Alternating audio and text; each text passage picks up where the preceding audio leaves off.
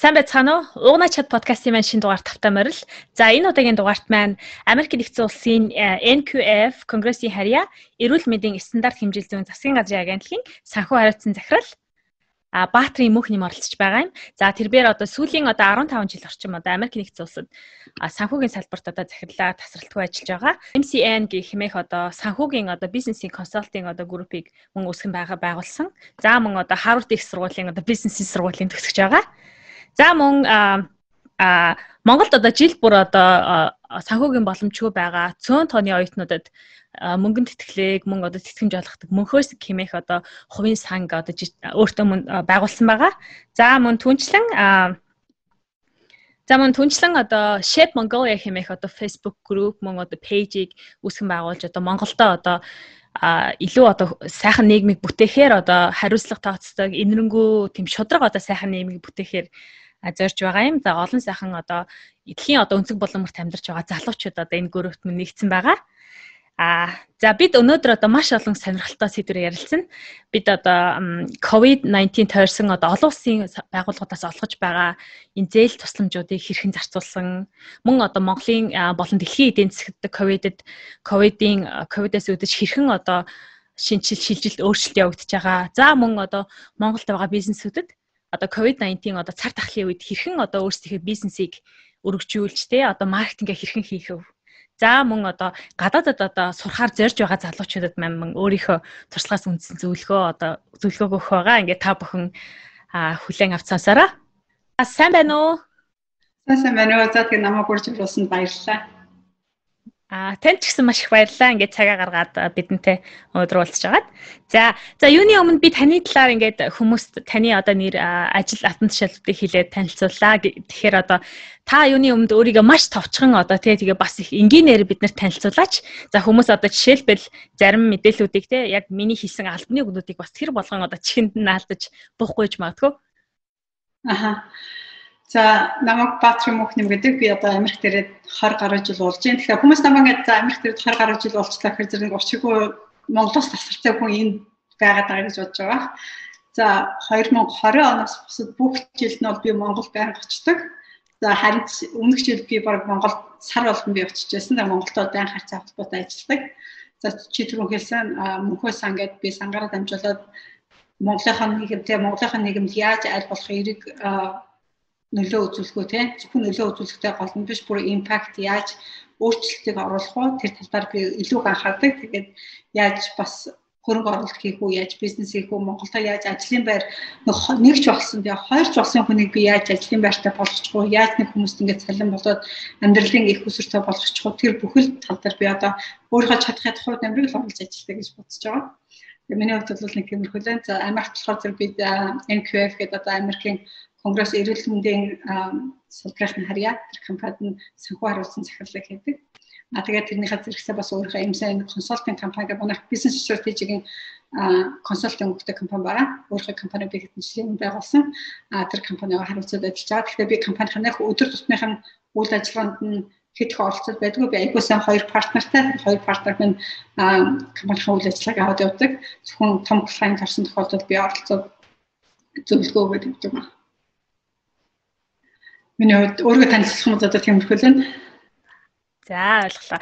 За конгрессийн одоо NQ конгрессийн харьяа эрүүл мэндийн эрүүл мэндийн одоо салбарыг хариуцсан захирал гэж байгаа шүү дээ. За тэгэхээр өмнө бас би таны одоо таны профайлыг бас үзэж байхад та бас өмнө нь Тэгээ Америк одоо News Corporation гэдэг маш том одоо Америк нэгдсэн улсын corporation-ы бас зүүн эргийн санхүү хариуцсан захирлаараас ажиллаж ирсэн тий. Тэгэхээр ер нь ингээд таны түүхийг харахаар санхүү хариуцсан захирлаар их олон жил ажилласан. Тэгэхээр энэ бол энийг одоо хүмүүст маш энгийнээр тий. Яг та ямар ажил хийдэг вэ гэдгийг бас хэлээд өгөөч. Манай Монголын санхүү хариуцсан захирлууд яг юу гэдгийг би бол бас мэдэхгүй. За Америкт санхүү хариуцсан захирал юу гэдэг вэ гэхээр зэрэг ерөөсөө энэ бол CEO-гийн зөвлөх гэсэн үг. Ерөнхийдөө бид нэг миний гол ажил яг тэрэн дээр байдаг байсан. Америкийн санхүү хариуцсан захирлуудын доор нэгтлэн нэгтлэнгийн департамент тий а тэгээд санхүүчид санхүүгийн сэнжээчид тийм хүмүүсийг би хариуцаад ажилладаг. За өмнөх компани News Corporation гэж нэрлэдэг. Хэрвээ манай монголчууд News Corporation гэдгийг мэдэхгүй байх юм бол News энэ бол parent company эцэг компанийн нэрлэлтэй. News Corporation-ы доор ямар ямар компаниуд байдаг вэ гэхээр Fox News байж гин Wall Street Journal, Dow Jones гэх мэтчлэнгийн нэг компаниуд ажилладаг. Аа News Corporation-ийн жилийнх нь орлого оролцоогоор 10 биллион доллар, 10 тэрбум доллар. Манай Монголын үндэсний хэмжээний эргэлт нь 13 14 биллион тэрбум доллар. Манай одоо Монголын нийт орлогоос ойролцоогоор нэг 3 4 хүн тэрбум доллар байх гэсэн. Монголын эдийн засгтай баг ойролцоо. 3 4 хүн зөв. Аа. Аха. А тэгээд ерөөхдөө санхүүгийн захирал юу гэдэг вэ гэхээр зэрэг CEO-гийн санхүүгийн зөвшөөрөл гэсэн. Одоо энэ компанид хаана ямар хөрөнгө оруулалт хийх үү? мөнгөө хаана яаж зарцуулах вэ? Ерөөсөл тэр тэр зөвлөгөө өгдөг. Конгрессийн дэргэд гэхээр одоо яг эрүүл мэндийн хариуцсан салбар гэхээр одоо яг ямар ажил хийдэг гэсэн үг та бас тэн дээрээ нэг товчхон тайлбар өгөөч. За манай Монголын парламент Америкийн конгресс хоёрын нэг за зөвхөн гэх юм уу одоо нэг ялгаа нь юу гэхээр зэрэг Америкийн конгресс дотроо ингээд комисс тийм болоод одоо health care ч юм уу ингээд жишээлбэл манайх болохоор яг эрүүл мэндийг нь хариуцдаг тийм ээ. За жишээлбэл эрүүл мэндийн хууль батлаа гэж утгад одоо эрүүл мэндийн хууль чинь доор нь зүгээр ч нэг за би одоо хууль батлая гэд манай монголч одоо өнгөрсөн жил нэг шашны хуулийн ямар юмны өдөрч үлээ нэг хууль батлуулчихсан байгаа шүү тийм ээ. Америкт хууль батлуулах юм бол зүгээр нэг конгрессмен тий их хурлын гишүүн за манай Монгол их хурлын гишүүн шүү дээ Америк зөв конгрессмен ингээд нэг хууль авч ороод ингээд шууд их хурлаар батлуулдаг. За тэр хуулийг батлуулахын чинь өмнө зөндөө их судалгаа, шинжилгээ, үйл ажиллагаанууд явж аж судалгаа шинжилгээнд дээр дарамтан дээр үндэслэж ингэж хуулаа батлуулдаг. А тэр судалгаа шинжилгээг хэн хийх вэ гэхээр зэрэг ямар нэгэн улс төрийн намын харьяа бос хүмүүс тэр судалгаа шинжилгээг нь хийж өгчөөж тэрийг хуулийг баталдаг. А тэгэхээр тулд одоо техник доор ингээ бүхэл бүтэн байх алга ажиллаж байдаг. Тэгэх юм бол одоо манайх чинь одоо health care гэхээр эрүүл мэндийн талын доор а манай CEO намын харьяа бос а манайх болохоор зэрэг улс төрийн намын харьяа бус non profit буюу төрийн бос байгууллага ингээд доорно гэж ажилладаг. А тэгээ манай CEO а төлөөлөл удирдах зөвлөлт сонгож ажилладаг. Ямар нэгэн намын харьяа бус. Хэрвээ бид нар ямар нэгэн намын харьяа авах юм бол аль нэгэн намын эрх ашигын төлөө ажиллах болчихно шүү дээ, тийм ээ. Тэгээ угаасаа цаанаасаа structure бүтцийг нь тэгж зохион байгуулж хийдэг. Тэгээд бид нар ингэж ингэж энэ хууль чинь арт түмний эрх ашигын төлөө ажиллах болохоос биш ямар нэгэн намын төлөө байх ёсгүй. Тийм зохион байгуулалтаар хэлдэг. А тэгэхээр зэрэг одоо манад голцоо ямар хүмүүс ажилладаг вэ гэхээр зэрэг эрүүл мэндийн шинжээчд, эмчнэр, судалгч нар, эрүүл мэндийн хуульчид тийм хүмүүс манад ажилладаг. Тэгээд бид тэнд эрүүл санхүү хариуцсан захирлыг нэгдэг. За ойлголоо. Хуулийг одоо батлахдаа яг тухайн одоо бүх бүх одоо шинжилгээ судалгааг нь яг одоо танаа одоо тэ хэсэгтэр хийгээд тэр судалгаан дээр үнэлж гаргадаг гэж ойлгож болох юм байна тийм мэрэгчлэх хүмүүс. За. Аа тэгээд манад одоо ажиллаж байгаа хүмүүс бол дандаа Америкийн одоо эрүүл мэндийн чиглэлийн хамгийн шилдэг ихтэй сурвалж одоо чихэн Джонс Хопкинс нь бол Америкийн эрүүл мэндийн ангахын одоо хамгийн number 1 тийм тийм ээ. Тэгэхээр жишээлбэл манай ангахын а одоо тэр шинжээчд байгаа дандаа Джонс Хопкинс төгссөн хүмүүс ихэнх нь ер нь бол 70 эдийн хувийн дандаа Джонс Хопкинс төгссөн хүмүүс дандаа ажилладаг. За хүмүүс ажил амардаг тийм чухал байдаг. Олон улсын санхүүгийн байгууллагуудаас а одоо Монгол улсад зориулсан цар тахлын хэмжээнд одоо хувь зориулсан мөнгөн тусламжуудын хэмжээ тусламжуудын талаар та нийлээ мэдээлэл судлаад тэрийг одоо хэрхэн хурж байгаа вэ гэдэг талаар та одоо Facebook дээр лайв хийсэн. Энэ одоо маш олон хүнд одоо 5 6 10 мянган хүнд одоо хурж share like авсан. Одоо маш их хүмүүст нэлээд импакт үзүүлсэн тий. Тэгэхээр яагаад та яг энэ энэ судалгаа хийсэн? Яг яагаад энэ сэдвийг одоо хөндөж эхэлсэн гэдгээс нь хоёлаа эхлээд ярилцъя. За мэрэгчлийн өвчин гэх юм уу тийм ээ. Аха. Миний За Twitter-дээр би миний нэг дагдаг нэг болохоор зэрэг IMF буюу олон улсын валютын сангийн ерөнхий захирал Кристина Жоржиева гэдэг эмэгтэй байгаа. Би тэр хүнийг анх би тэр хүнийг Twitter-дээр дагаад нэг өдөр одоо 6 сарын 3 6 сар тийм ээ Twitter-дээр ингээд твит хийсэн чинь тэр нь болохоор зэрэг манай өнөөдөр төлөө төлөөлөл удирдах зөвлөл Монгол улсад 99 сая долларын доллар оруулах зөвшөөрөл өглөө гэсэн твит оруулсан байсан. Тэгээ би анх тэрийг уншичаад пог аваач манай Монгол улсад 99 сая доллар ингээд авах ирэх авлаа гэж би бодож байсан.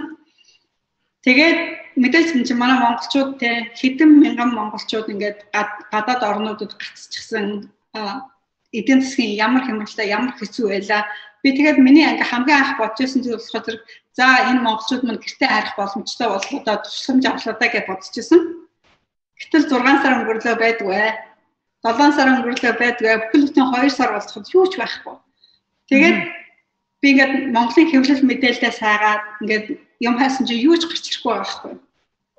Мэдээлэл аа. Тэгээд би ингээд мэдээлэл хайгаад эхэлсэн чинь тэр 99 сая доллар маань юу ч биш байсан.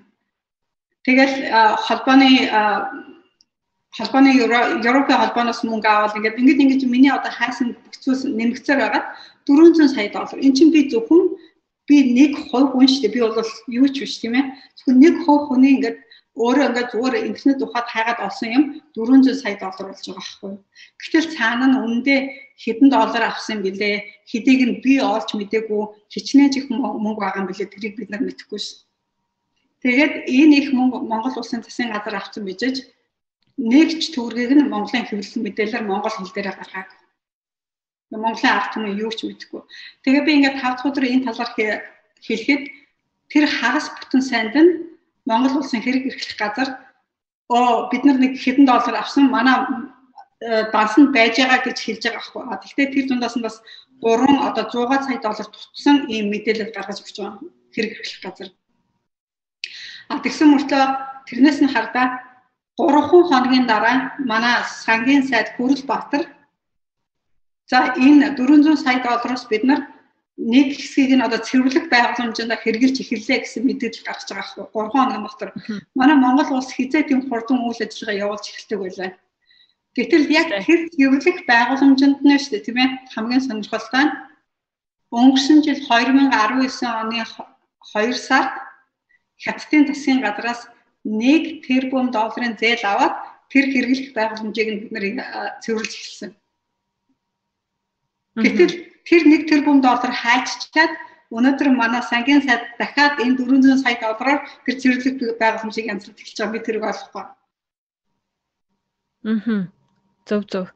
Чичээд Чичээд өмнө нь өмнө нь санхүүжилтээ авцсан байсан гэсэн үг юм биш үү? Өмнө нь нодлон 2019 оны 2 сар манай бүр ерөнхий сайд хүрэлцэх өөрөө нээлтэнд нь очиод зураг хүргэтэйгөө бүх юм нь ингээд нээлт хийгээд манайх 1 тэрбум доллар хятадын засгийн газраас авлаа.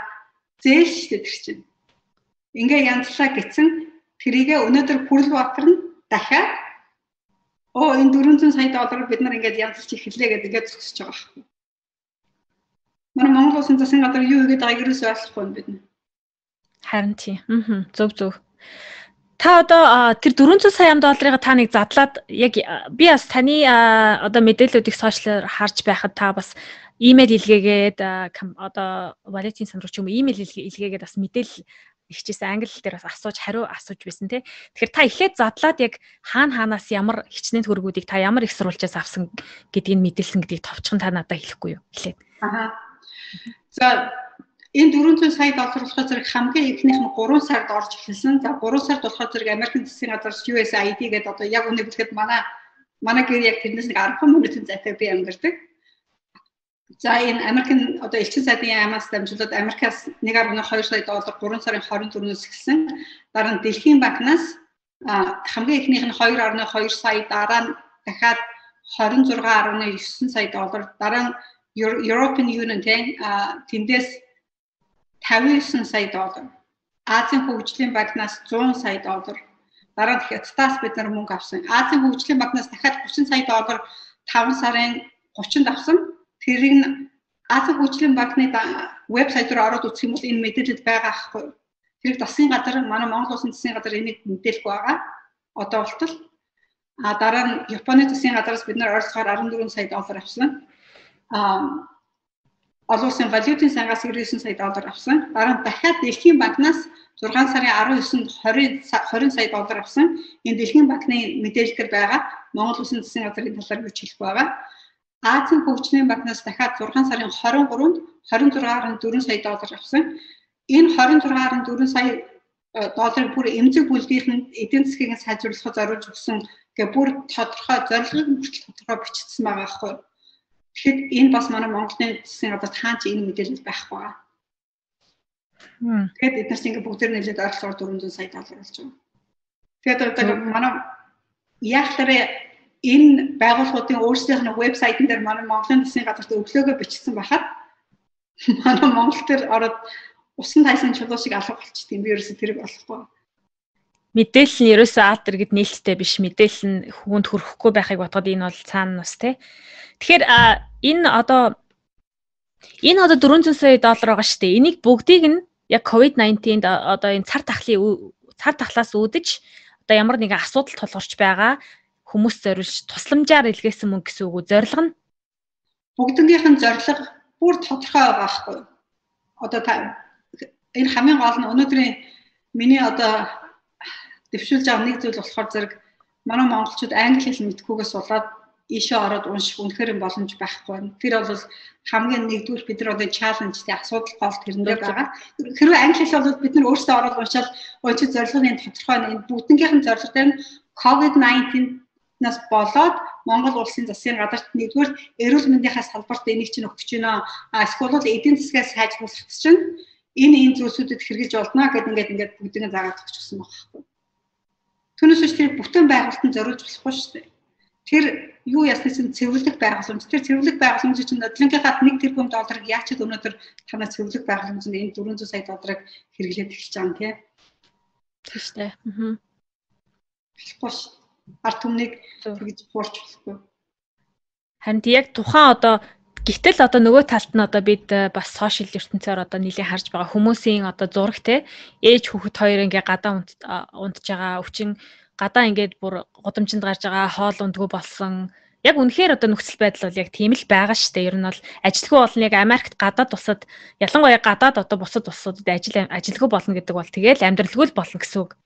Тэгэхээр яг энэ энэ мөнгүүдийг бол энэ мөнгийг тухайлбал яг энэ тухайн одоо хүмүүстэй л яг зориулж тэр ханд хандаж чиглэсэн одоо гацсан хүмүүст л бас нэлийн хандаж зориулсан мөнгө юм байна шүү дээ тий.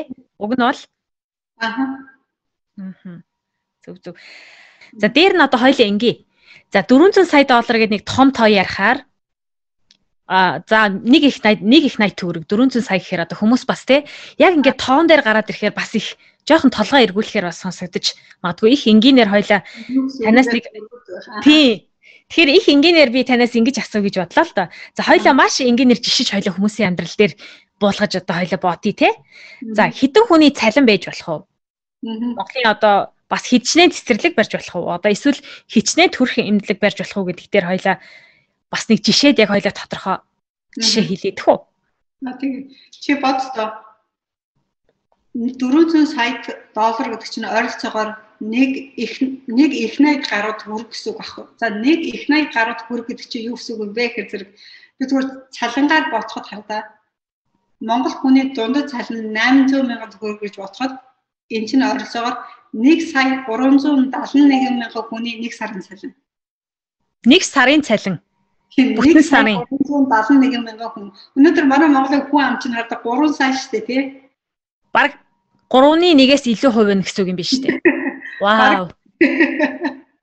Чи 3 сая одоо гаруй хүний чинь хэдэн хувь нь насанд хүрсэн хүмүүс байгаа вэ? Насанд хүрсэн хүмүүсийн хэдэн хувь нь ажилтаа байгаа вэ? Гэ бодохоор чинь үнэхээр тэгэхэд хэдэн 800 мянган төгрөгнөөс цалинтай байлээ. Ингээд одоо 1 сая 371 мянган хүний 800 мянган бодоход 1 сарын цалин. За цэцэрлэгч юм уу дараагийн асуултанд цэцэрлэгээр байна.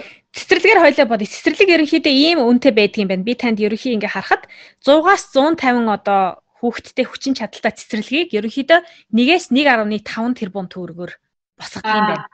Тийм. Хоёлаа 1.5 тэрбумаар. Аха. За хэрвээ 1.5 тэрбум төгрөг гэж бодоход заяа бүр хамгийн дээд 1.5 тэрбум гэж бодоход 731 цэцэрлэг барьж болно. 731 бүтэн цэцэрлэг. 731 цэцэрлэг барьж болно. Монгол аяар энэ мөнгөөр. Хм.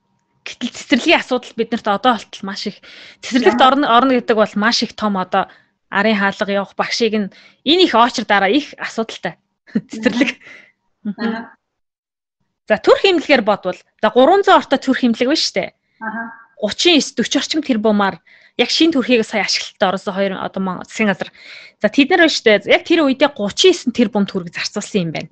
За хоёлаа энийгээр бодоод үзье. 39 тэрбумаар бодоход 28 эмнэлэг барьж байна. ингэж бодож байгаа байхгүй. За энэ мөнгийг би ингээд би ч өөрөө бизнесийн зөвлөгөө өгдөг хүн тий.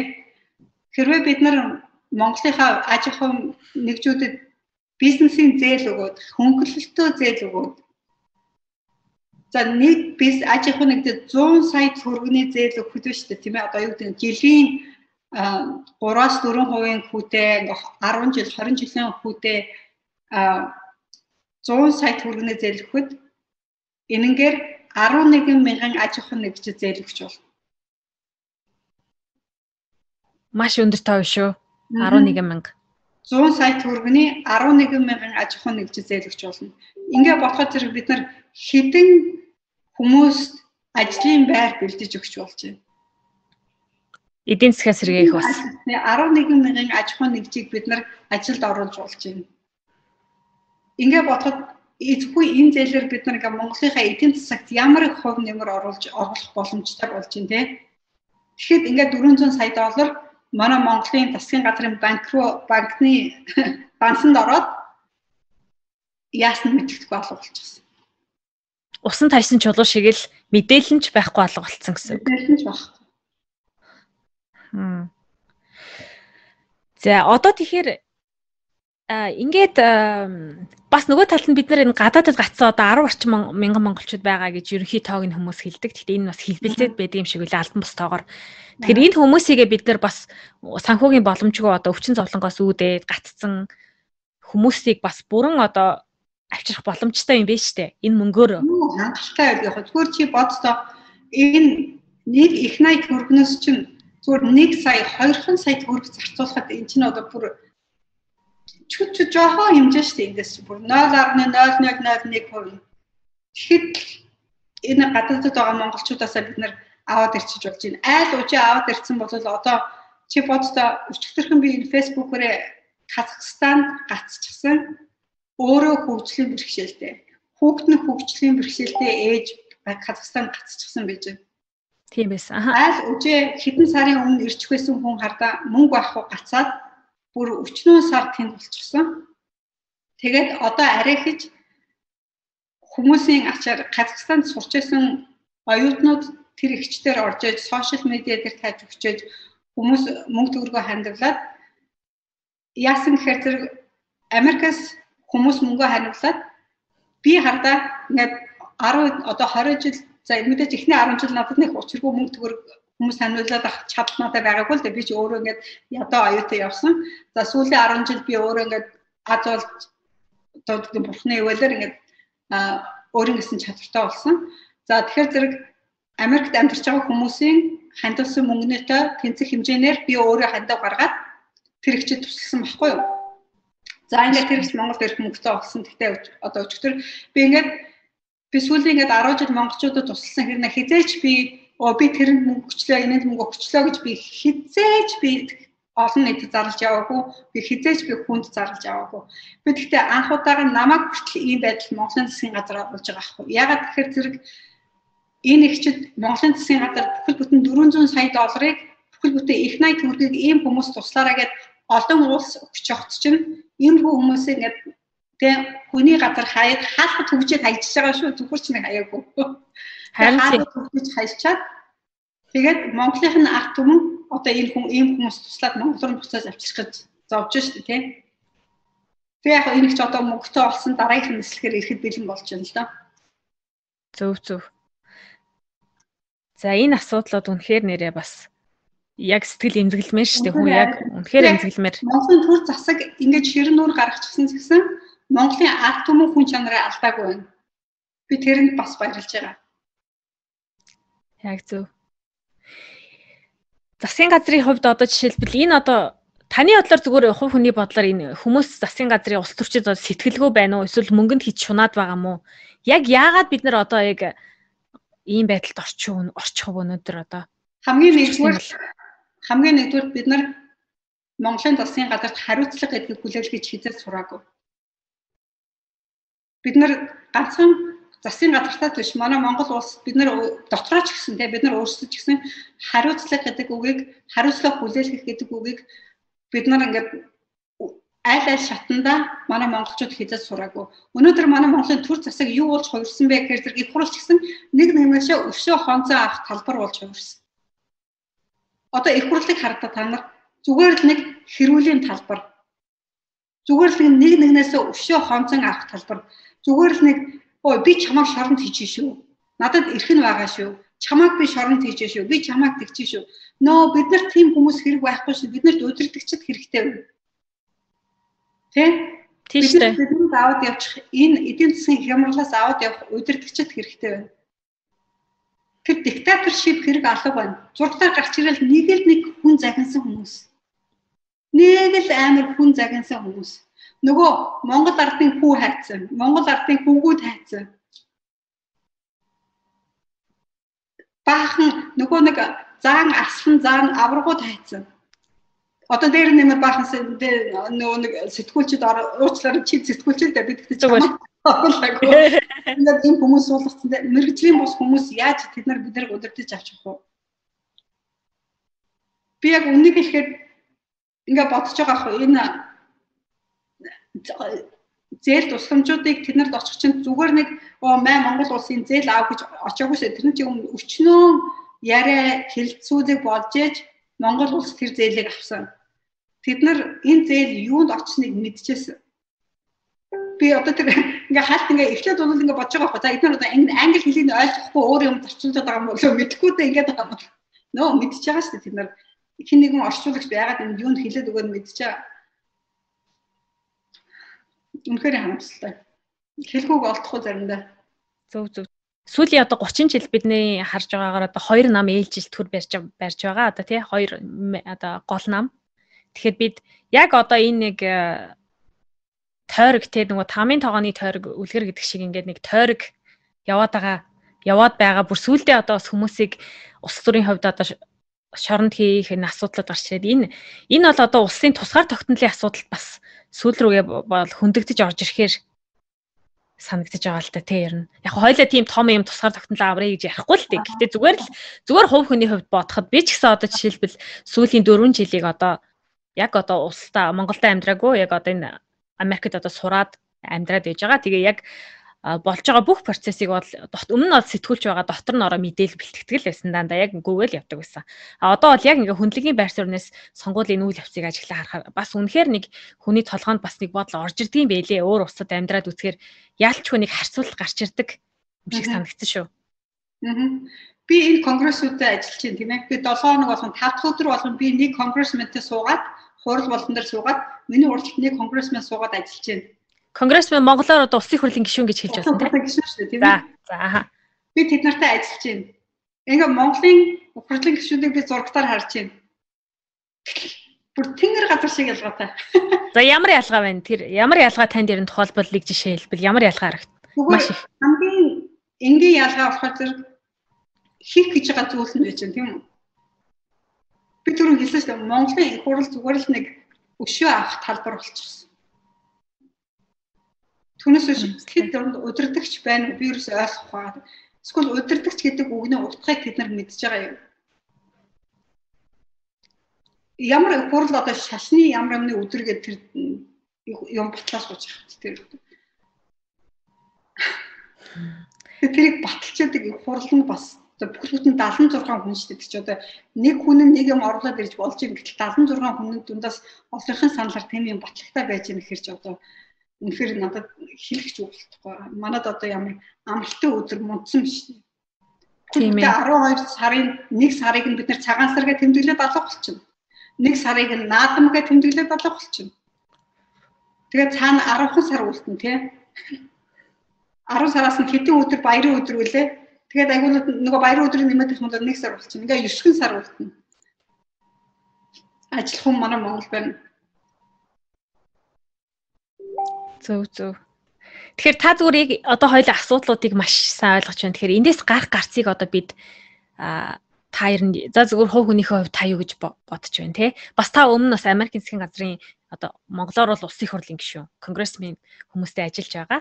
Тэгэхээр таны хувьд таны бодлоор ямар шийдэл бид байж болох? Одоо иргэд бас оролцоо бас чухал нөгөө талаас нь тий. Миний хувьд бол За би түрүүхээ чи нэг халт урдаад өнгөрсөн маань мөнхөө саа гэдэг ингээд сан байгаа гэж хэлжсэн. Хамгийн нэгдүгээрт ард түмнийг боловсралтай болгох. Манай Монголын боловсролын системд маш их тохиолдол байгаа. За хүмүүс намайг боловсролын системийг шүүмжлэхээр зэрэг манайх маш сайн багш нартай гэж андуурдаг. Сайн багш нар а боловсролын системийн доголдолд хоёрт маш том зөрөө байгаа сайн багш нар байгаад нэмэр байхгүй шүү. За тэр хүн мэдээж сайн тоо сайн заагаад нэг тоо сайн боддог хүүхдэл гарна. Гэтэл манай Монголын боловсролын системд Улаанбаатараар дүүрэн хувийн сургуулиуд чанаргүй хувийн сургуулиуд нэг л учиргүй диплом өвчлсөн өндөр боловсралтай хүмүүс манай улаан Монголоор дүүрэн тийм ээ тэгэхээр хамгийн боловсролынхаа системийг өөрчилчээж Монголын ард түмнийг зөв боловсралтай болгож яаж нэгдүгээр цааш явна. Тийм болохоор зэрэг бид нар Chef Mongolia группийг түүнээс болж нээсэн тийм ээ. Манай хамгийн гол зорилго болохоор зэрэг бид нар нийгэмдээ өөрчлөлт оруулах. Chef Mongolia-гаар дамжуулаад бид нар ард түмнээ зөв боловсрол эзэмшүүлэх яаж юмд critical thinking буюу яаж юмд шүүм зөв шүүмжлэлтэй хандж сурах уу яаж юмыг салгаж зөвөг буруугаас салгаж сурах уу зүгээр нэг фэйсбүүкээр нэг юу харчаал пост харчаал тэрнтэй итгээл ингээл тэрийг дагаад бүгдээрээ ингээл хоншиг дагаад намирчдаг тийм ээ. Бид нар одоо тэрийг зогсоох хэрэгтэй. Хоёрдугаар яаж хариуцлах сурах уу? Хариуцлага гэхдээ бүх шатанда засгийн газраас яаж хариуцлах шаардах уу? Бид нар өөрсдөө яаж хариуцлахыг хариуцлагатай амьдарч сурах уу? Энэ хоёр зүйлийг хоёуланг нь сурах хэрэгтэй. Зөв зөв. А сая нэг э, үг уншиж уншиж байсан. Яг хамгийн түрүүн хэрэг хөгжил байгвал өөрийгөө шүүмжилж эхэл өөрөөсөө хэлэгдсэн байсан. Тэгэхээр өөрийгөө ч гэсэн шүүмжилж эхэлнэ гэсэн үг юм биш үү? Бүр багасаа. За зөв. За ахаад нэг асуулт байна л да. Одоо нэгэнт одоо Монгол Улсын яг хөгжил энэ талаар хоёлаа яг хувь хүний үүднээс л бод үсэл бодлоо битээр бол илэрхийлж байгаа тий. Ямар нэгэн байдлаар одоо тулах одоо илэрхийлж байгаа. За тэгэхээр А за эхлээд хоёлаа яг 400 сая долларыг нэг нэг хувь хүний нэг л хувь хүний хувьтаас судлаад харсан байгаа. А гítэл одоо надад яг тийм бодол төрж байна. Одоо гítэл одоо цаана нь энэ 400 сая доллараас гадна хичнээн төгрөгийг хичнээн зээл, хичнээн мөнгийг одоо их яг үүндээ бодит зарцуулалт хяналтгүй яваад байгаа юм биш үү гэсэн хардлага бодол төрж байна надад. Аха. Та юу гэж бодож байна энэ тал дээр? Мэдээж шүү дээ биднэрт ямар ч шилэн зүйл байхгүй. Өнөөдөр хардаа бид нар Америкийн National Debt гэдэг одоо улсын нийт зээлийг бүр ингээд вебсайтн дээр харж болно. Бүх юм шилэн тэрийг харж болдог. Тэгээ тийм болохоор зэрэг Америкууд өөрсдөө хараад бид нарынхаа тим юмны тим зээлтэй юм байна, ийм юмны тим зээлтэй юм байна бүх юм ингээд хараад ингэж болдог. Гэтэл манай Монголын бүхэл юм нууц, юм болгоныгаа улсын нууц гэж эднэрлэж чинь улсынхаа нууцны цаана юугаа хийж байгаа юм бүү? Яахлаарэ 3 сая хүнтэй хүн улс нэг л амар учиргүй улсын нууцтай энд яахлаарэ 300 сая улстай юм ингээд тэгээ зээл бүх юм ингээ ил байж идэг. Сонирм байгаа зү. Сан харин яалтчгүй бас тэр бодлол Аха. Ер нь жоохон миний хувьд бол зүгээр жоохон коммунизм одоо нөгөө dictatorship гэдэг шүү дээ. Яг тэр тал руугаа энэ олон асуудлуудыг харахаар надад яг жоохон айц төрж байгаа байхгүй яг үнэндээ. Бүгдээрээ яг л буцаад нөгөө коммунизм руу л орсон байхгүй. Гэхдээ бид нар ийм нийгмийг хүсэхгүй байна. За тийм болохоор бид өөрчлөлтийг бид өөрөөсөө та одоо шеф Монголоор дамжуулаад бид одоо өөрсөөсөө бид нар одоо хийх ёстой тий. Ер нь бол бид бууж өгч залуу хүмүүс бол бууж өгч одоо энэ нийгмийг хүлээн зөвшөөрөөд үлдэж болохгүй болохгүй үстэй ер нь. Бүх юмнуудаа улсын болгоод нэг л сайхан улсын төлөө гэсэн хүмүүс а тэгээд улсын нэрээр цаанаа юу ч идж ууж байгаа бид нар мэдэхгүй ш нэг хамгийн юм нууц. Их найт төгрөг төргийг одоо жишээлбэл Монголд маш олон асуудлуудыг байгаа бид хамгийн наад зах нь одоо жорлонгийн үерийн ус тухайлбал бууж ирдэг. Бороо орох болгонд үерлээд бууж ирдэг. Аа за нөгөө талд нь одоо дархны зам наадмаар наадмаар одоо дархны зам маш их одоо та дархны зам одоо нэлийн эвдрэлтэй сайхан сайхан одоо наадмаар та бас санаж байгаа 3 хоногийн дотор 11 хүн эрдэнэ таймаа зам тээврийн ослоор алдсан.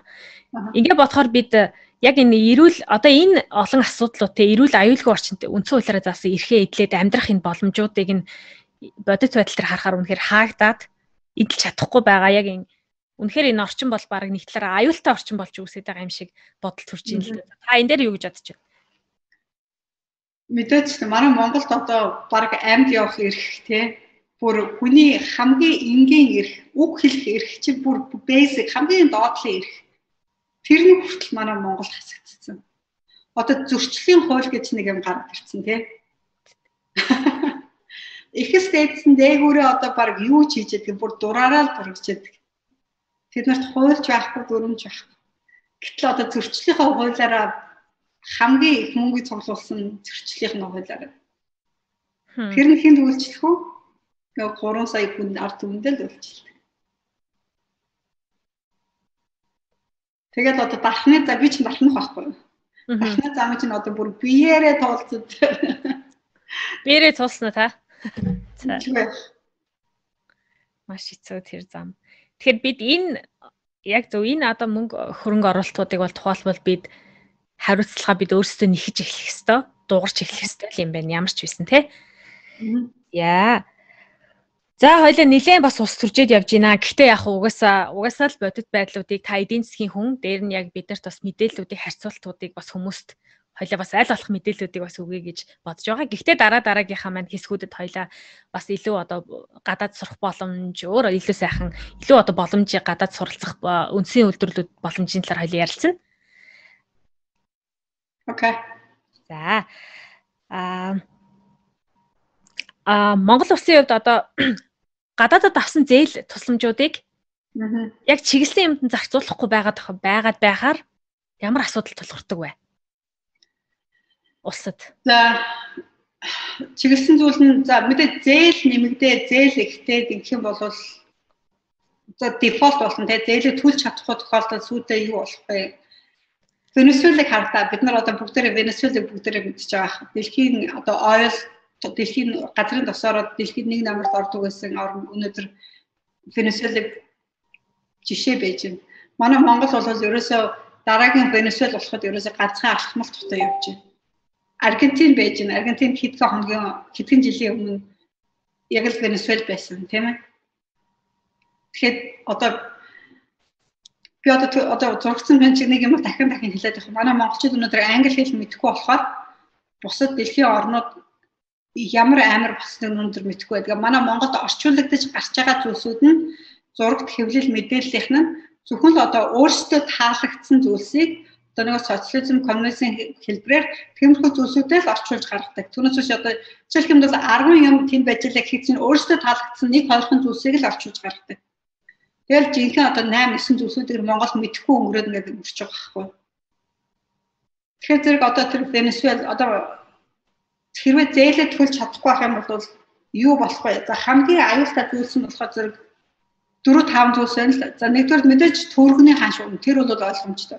Венесуэлд одоо бүр ингээд тортой баг мөнгө авчиж талхаа худалдаж авч идэж шээ. Тийм ээ. Ханш аха. Төргөний ханш төргөний ханш унахаар тийм юм болдог.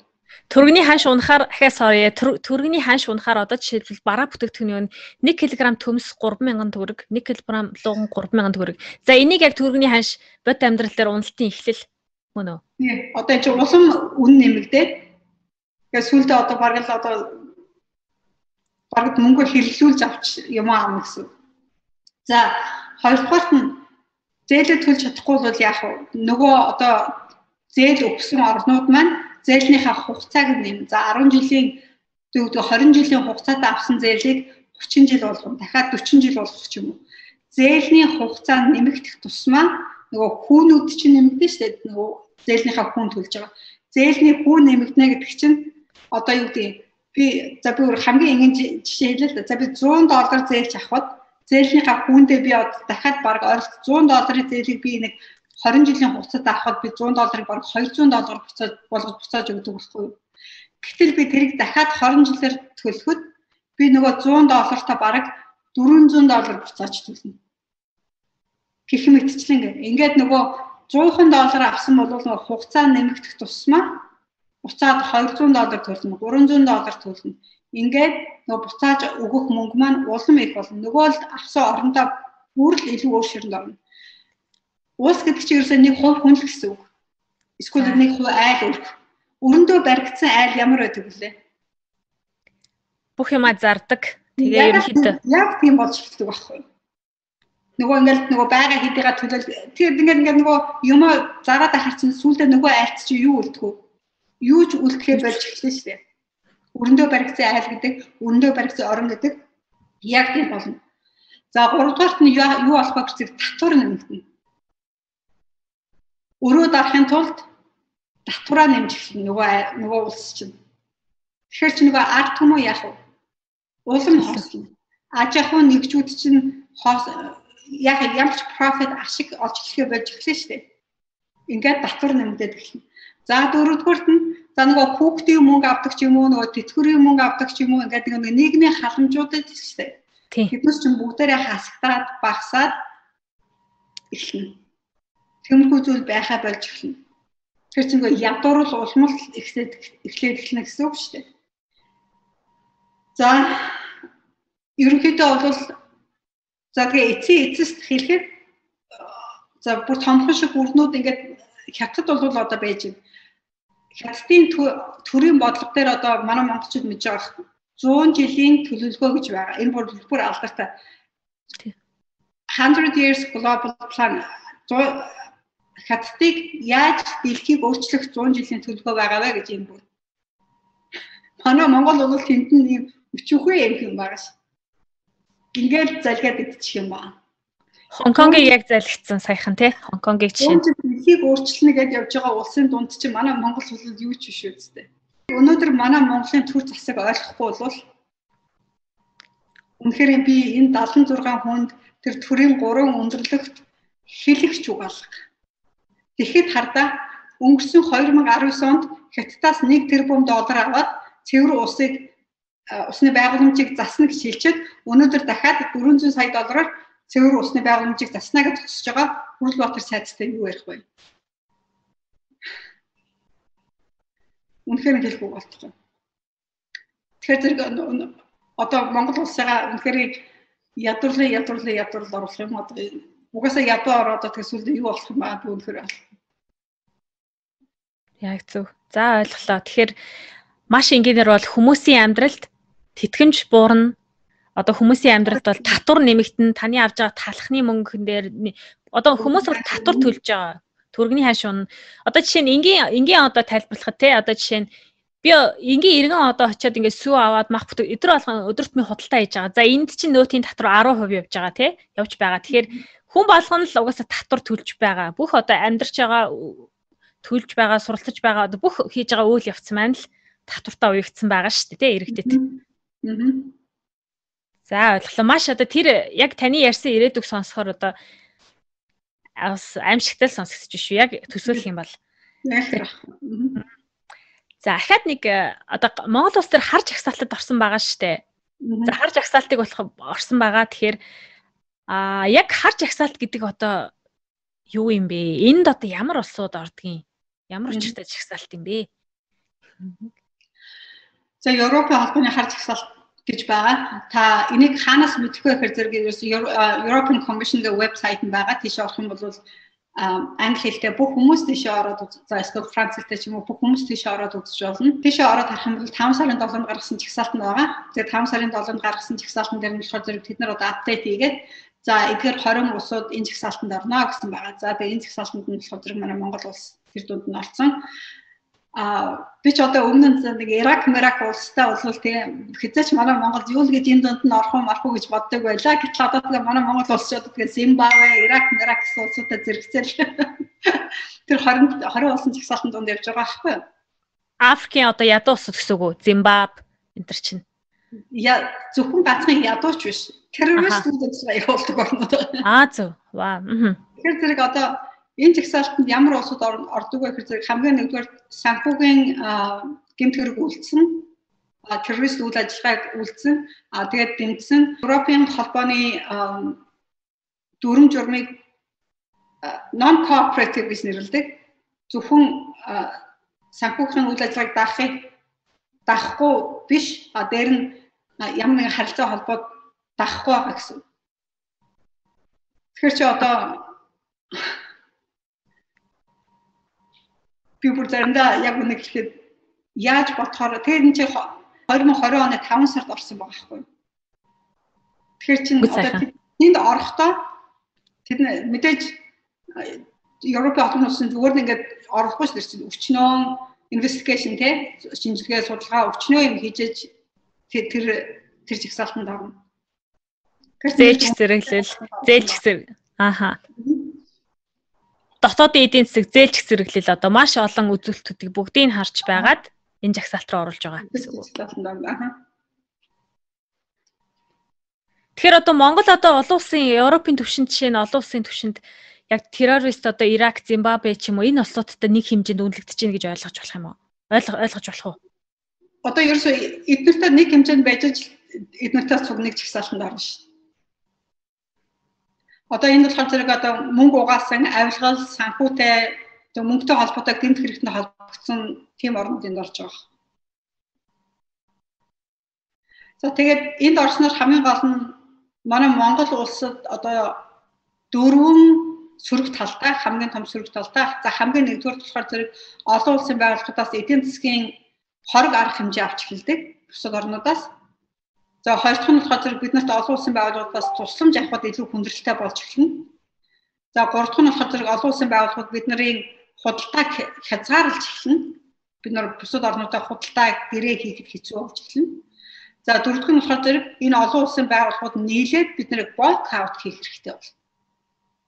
Яа гэсэн үг вэ тэр нь одоо? Boycott гэхээр зэрэг одоо Монголтой бусад одоо Европ орнууд нийлээд за Монголтой бид нар ямар нэгэн үйл ажиллагаа хийхгүй гэдэг саналыг тэд нар гаргах хэрэгтэй болно гэсэн үг. Тэгэхээр зэрэг одоо гадаадын хөрөнгө оруулалт шүү дээ. Аа. Тэрийг бусад гадаадын хөрөнгө оруулалт хийх хүмүүс манай Монголда хийх эрхгүй болно гэсэн. Нэг ясандаа одоо дэлхийн одоо эдийн засгийн одоо тоглогчоос гэж ойлгох. Дэлхийн дэлхийн одоо гадаад ертөнцийн манай Монгол эдийн засаг хийх эрхгүй болж эхэлнэ гэсэн. Эдийн засгийн хувьд одоо маш аюултай бүр усын тусгаар тогтнолд хүрэхээр нөлөөтэй гэдгийг та маш их энгийн тайлбарлаж өглөө. Тэгээ танд маш их баярлалаа. За тэгээ хоёлаа дараагийнхаа хоёлаа сэдвүүд рүү хоёлаа бас нэлээд хүнд хүнд одоо эдийн засгийн сэдвүүдээр ярилцлаа. Гэхдээ энэ мэдээллүүд биднэрт иргэдэд маш энгийнээр одоо хүргэж ойлголттой байх нь бид өөрөө өөрсдөд мань хэрэгтэй, ирээдүйд мань хэрэгтэй гэж одоо ойлгож байгаа. Одоо хоёлаа Америкийн нэгдсэн улсын хувьд та одоо яг засгийн газар конгресс конгрессийнх нь нэг одоо албан байгууллагт нь конгрессийнх нь одоо нэг хэсэгт нь санхүүгийнх нь үндсэн одоо хариуцаад конгресст одоо нэг үг нэг үгээр хэлбэл одоо Америкийн засгийн газрын шийдвэр гаргаж байгаа явцуудтай ойрхон одоо ажиллаж байгаа гэсэн үг эрүүл мэндийн салбарт нь тий. За тэгэхээр за таны харж байгаагаар одоо ялангуяа энэ цар тахлаас үүдээд одоо тий Америкийн хувьд одоо эдийн засгтаа авч байгаа сэргээхийн тулд хүндээ зориулж байгаа шийдвэрүүд ямар байна? За энэ Монголтой харьцуулбал та юу гэж харьцуулаад одоо харж байна вэ? Аа. За Америкт энэ удаад за энэ бол миний Америкт амьдарснаас хойш одоо хоёр дахь удаага болж байгаа эдийн засгийн хямрал.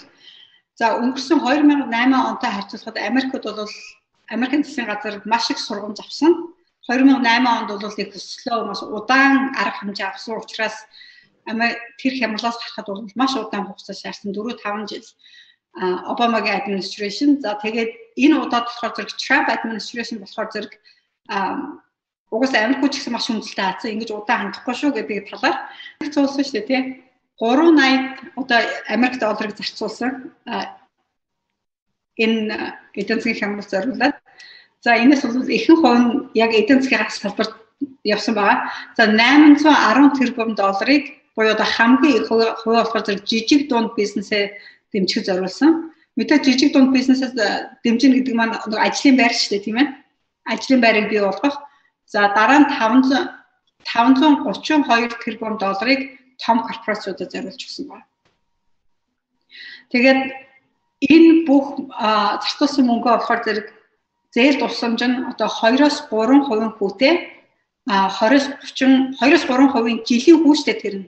Жилийн хүү. Жилийн хүн 20-с 3%. А тэгээд 20-с 30 жилийн хугацаатай зээлүүдийг өгч эхэлсэн.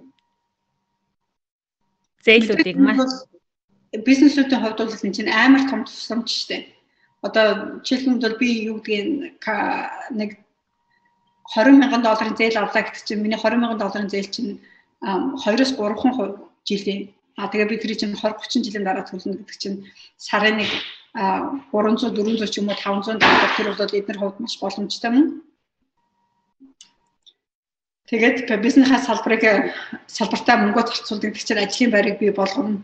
Тэгээ эдийн засгаа эргэлтэнд оруулж эхэлнэ гэх мэтчингээр за тэгээд ер нь бол эдийн засгаар аль болох эргэлтэнд оруулахыг хичээж байна. Мэдээж энэ бол Монголтой харьцуулахад том гүрэн хугацаа шаардна гэж хурдан хөгжих боломж байхгүй. За Монголтой харьцуулна гэх юм бол манай монголч одоо юу гэж байгаа? Юу ч хийх байгаа зү. А ерөөхдөө хаагдсан хөл хоройг бас тогтоосон хэвээр байгаа байгаа шүү дээ бизнесүүдийг бүр боомлоод байгаа шалтгаан бас талаасаа тийм. Миний одоо нэг гайхаж байгаа зүйл юу вэ гэхээр зэрэг за жишээлх юм бол одоо бусад дэлхийн ганцхан би Америкт жишээ авмааргүй бусад дэлхийн ингээд бусад орнуудын жишээг аваад үзэл. Жишээлх юм Тайван байж юм тийм ээ. Солонгос байж юм, Швед байж юм, Швед нэгэд усуу тийм ээ. Бусад орнуудын жишээг аваад үзэх юм бол ямар ч бизнес салбар юугаач хөлөг хөл хорой тавиагүй бүгдээрээ үйл ажиллагаа явуулаад ингээд байж байгаа орнууд байж байна. Эдийн засгийн хямрал байхгүй. Гэтэл одоо манай Монгол ужээ ядуу орн. Ингээ хамаг юм хаачихсан. Тэрнээс одоо яаж гарах ямар бодолтой байгаа би үнэхээр энэ засгийн газрыг ойлгох байгаа. Яаж одоо ажилгүй амьдралгүй болчихсон энэ хүмүүс цаашдаа яаж амьдрах юм үнэхээр мэдэхгүй. Одоо дэлхийн жишээлх юм бол а Дэлхийн банкнаас гаргасан мэдээлэл орсон ядуурлын хэмжээ одоо нэг шатаар доошоо үжээ буучсан. Америкийн эдийн засаг 33 хувиар буучсан. Америк гэдэг чинь одоо манай монголч чинь бүр долонд оролцсон байгаа. Манай Монголд өнөөдөр тийм статистик мэдээ мэдээлэл гаргасан ямар нэгэн салбар байна уу? Засгийн газрын талаар мэдээлэл гаргаж байгаа юу? Юу ч гарахгүй байгаа ш. Бүх юм нь одоо дандаа л нууц нэг л учиргүй нууц орно л чимээгөөс. Аа А энэ дэлхийн эдийн Америк эдийн засгийн 33% буурлаа гэж та онцлоо шүү. Тэгэхээр энэ цар талаас үүдсэн энэ хямрал дэлхийн дэлхийн эдийн засагт энэ хямрал ер нь хэр удаа үргэлжлэх бол энэ яаж аффект нөлөө үзүүлэх бол? За дэлхийн хямралд яаж нөлөөлөх вэ гэхээр зэрэг нэг мэдээж Америк бол энэ том зах зээл тийм ээ. Дэлхийн эдийн засагт нөлөөлөх нь бол ойлгомжтой. Америкт бол ойролцоогоор одоо 33 сая хүн ажилгүй болсон. А тэгэхээр сүүлийн 7 хоногоос эхлээд одоо ажилгүйдлийн хэмжээ багасч эхэлж байгаа гэд мэдээлж байгаа. За харьцангуйгаар ингээд өсөж эхэлж байна. За ихэнх салбарууд болохоор зэрэг 2023 оны ихээс одоо 2 жилийн дараагаас эхлээд одоо буцаад нормал болоод эхэлнэ гэж үзэж байгаа. За хамгийн удаандаа 2025 он буюу одоо 5 жилийн дараа буцаж эхнийхээ байдалд орно гэж одоогийн байдлаар гаргаж байна. За. За За ойлголоо. А Монгол улсын хувьд бас нэг э, бас нэг зүйл нь одоо ирэх 2021-с 2024 он буюу одоо эдийн засгийн хямралын үе байх нь шүү дээ. Энэ үед 3 3 тэрбум орчим ам доллар Чингис бондын одоо Чингис бонд, Самар бондын өрүүдийг иргэн төлөлт явагдаж байгаа явагдахаар байгаа юм байна. Аа. Тэгэхээр энэ иргэн төлөлтийг төлж чадахгүй төхөрвөл те ямар асуудал үүсэх вэ? Төрүн та онцлсан. Гэхдээ гэхдээ эргээ төлж чадахгүй Эсвэл одоо энийг яаж одоо аргалж төрөлж гарах юм бол доо гэж та бодож байна юм. Наадах ч одоо хүрл ба. Хүрл отроос асуу. Би сангийн сайд бишээ гэж. За та сангийн сайд байсан бол тэгвэл ямар шийдвэр хийх байсан бэ? Яг одоогийн эдийн засгийг хүлээж авсан бол. Би яг үнэ гэхэд одоо манай Монголын өнөөгийн байдал банкнд байгаа мөнгө нь тийм ээ өнөөгийн байдал ямар байгааг үнэхээр мэдэхгүй байгаа болохоор хариулт үнэхээр өгч мэдэхгүй байна. Нэгдүгээрт хоёрдугаарт нь болохоор зэрэг гэтэл манай монголчууд одоо бүтээн байгуулалт гэдэг энэ тэнд янз бүрийн юм бариад байгаа шүү дээ гэсэн мөртлөө. Тийм ээ. Ингээ Чингис бондны ийм юм а үр төлөх юмтай байжж одоо тэр сайд нь энэ сайд нь энэ тэнд очиж бүтээн байгуулалт нэртэй ингээд янз бүрийн бариад байгаа.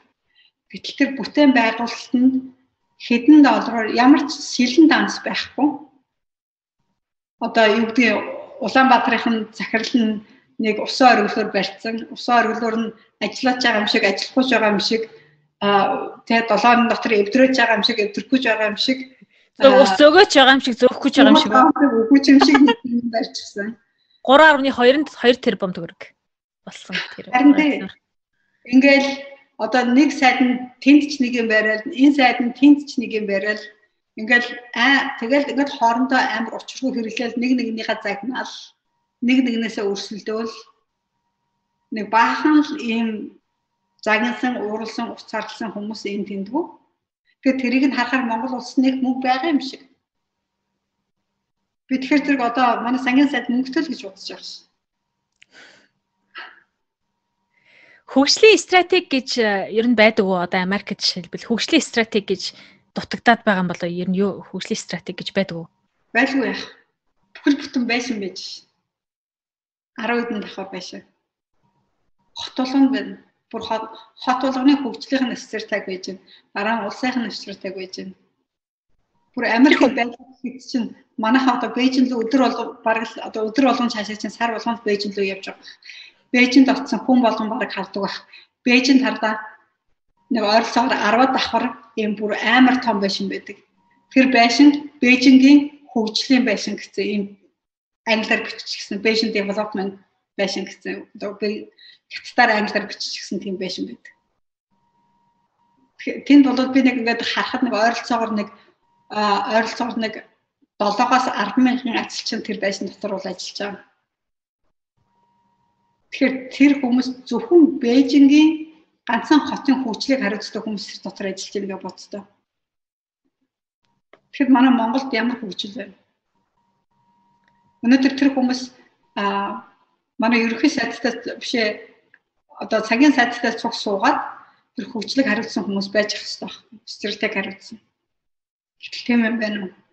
Манай сангийн сайд одоо тэгэл өнгөрсөн жилийн нэг бүтээн байгуулалт дээр нэг юмтай энэ жилийн адилхан нөгөө нэг бүтээн байгуулалттай гэж адилхан юм яриад ингээд явж байгаа нэг сангийн сайд өөр би ерөөсөө ямар ч юм байхгүй юу ч ахгүй юм юм чи.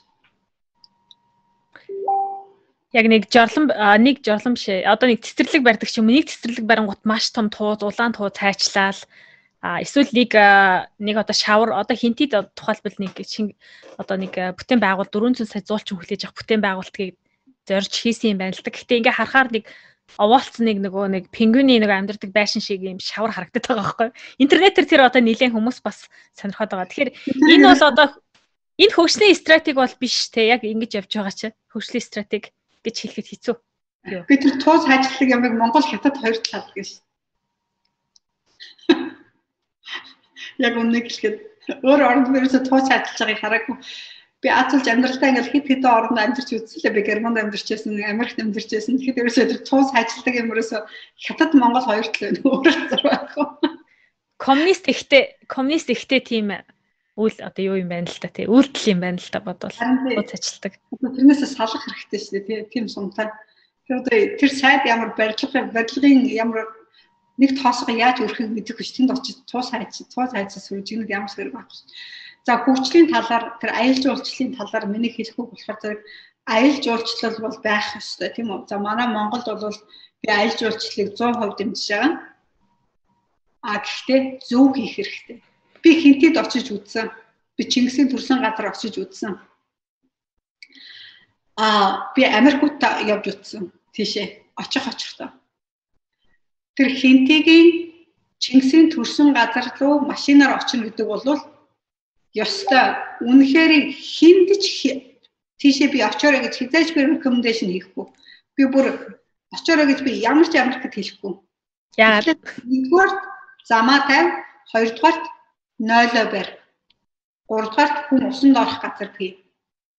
Дөрөвдүгээрт Америкуудыг юу эхэлж татдаг вэ гэхээр энэ ялгаагүй адилхан гадаадд журцлж байгаа бүх хүмүүсийг татдаг юм хэрэг зэрэг манай энд надтай зүг их сургууль төгсөн Харвард төгсөн манай нэг найз маань одоо энэ DC-гийн аялал жуулчлалын департаментийн захирлууд байхгүй юу. Тэр аялал жуулчлалын survey дандаа авдаг. Америкуудыг хийдэг нэг зүйл нь бүх зүйлсээ survey шинжилгээ судалгаан дээр үндэслэж ажиллаа хийдэг. Манайхан шиг оо юу гэдэг нэг сая жуулч аваад ирчи 400 сая жуулч аваад ирчигээд ингээд юм бариад эхэлдэг. Дандаа шинжилгээ судалгаан дээр гэдэг. Тэрний хийсэн судалгаан дээр жуулчдын одоо нэг газараа очихдоо сонгодог нэг зүйлс нь юу вэ гэхээр зэрэг ариун цэвэр тогтох. Нэг номер. Тэгээд одоо энэ Washington DC Америкийн одоо миний амьдардаг газар Америкийн нийслэлээр Washington DC энэ одоо хотын нь бажет одоо төсвийнх нь хамгийн нэгдэх зүйл нь 0-доо анхаарах. Бүр 0-доо анхаарах хүн цэвэрлэгч нар биш одоо 0 цэвэрлдэг хүмүүс. Цэвэрлэгчтэй гаргаж өгдөг. Цэвэрлэгчийнхаа тоог. Одоо тэр 0-ийн одоо тэр цаас маас инээ тэрэ цэвэрлэгээ тэр maintenance биш тийм ээ тэр застдаг бүх зүйлс тэрэнд нь бүр нэг номерынхаа төсвийг эхэлж тэр нь баталдаг.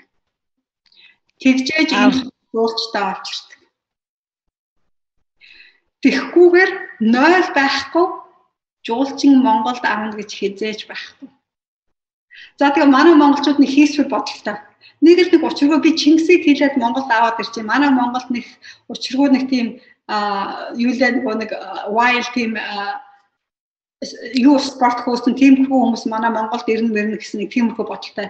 No, тэр чинь боддог хүмүүс биш үү тийм ээ аль жуулчлалын нэг цөөхөн хувилд тэр тийм тийм бодолтой хүмүүс байдаг байхгүй.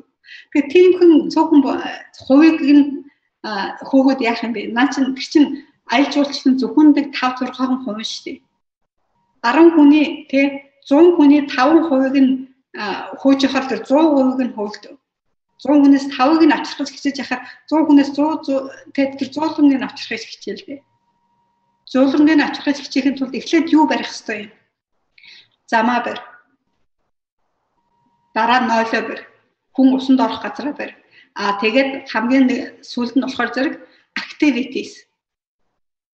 Манай монголчууд энэ тэнд аялаар явахаараа яадаг вэ гэхээр зэрэг очоод нэг гэрт суугаад архитаа дуулаад суудаг А гэтэл гадаадын жуулчд болохоор зэрэг тэгж архитаж дуулж суудгүй.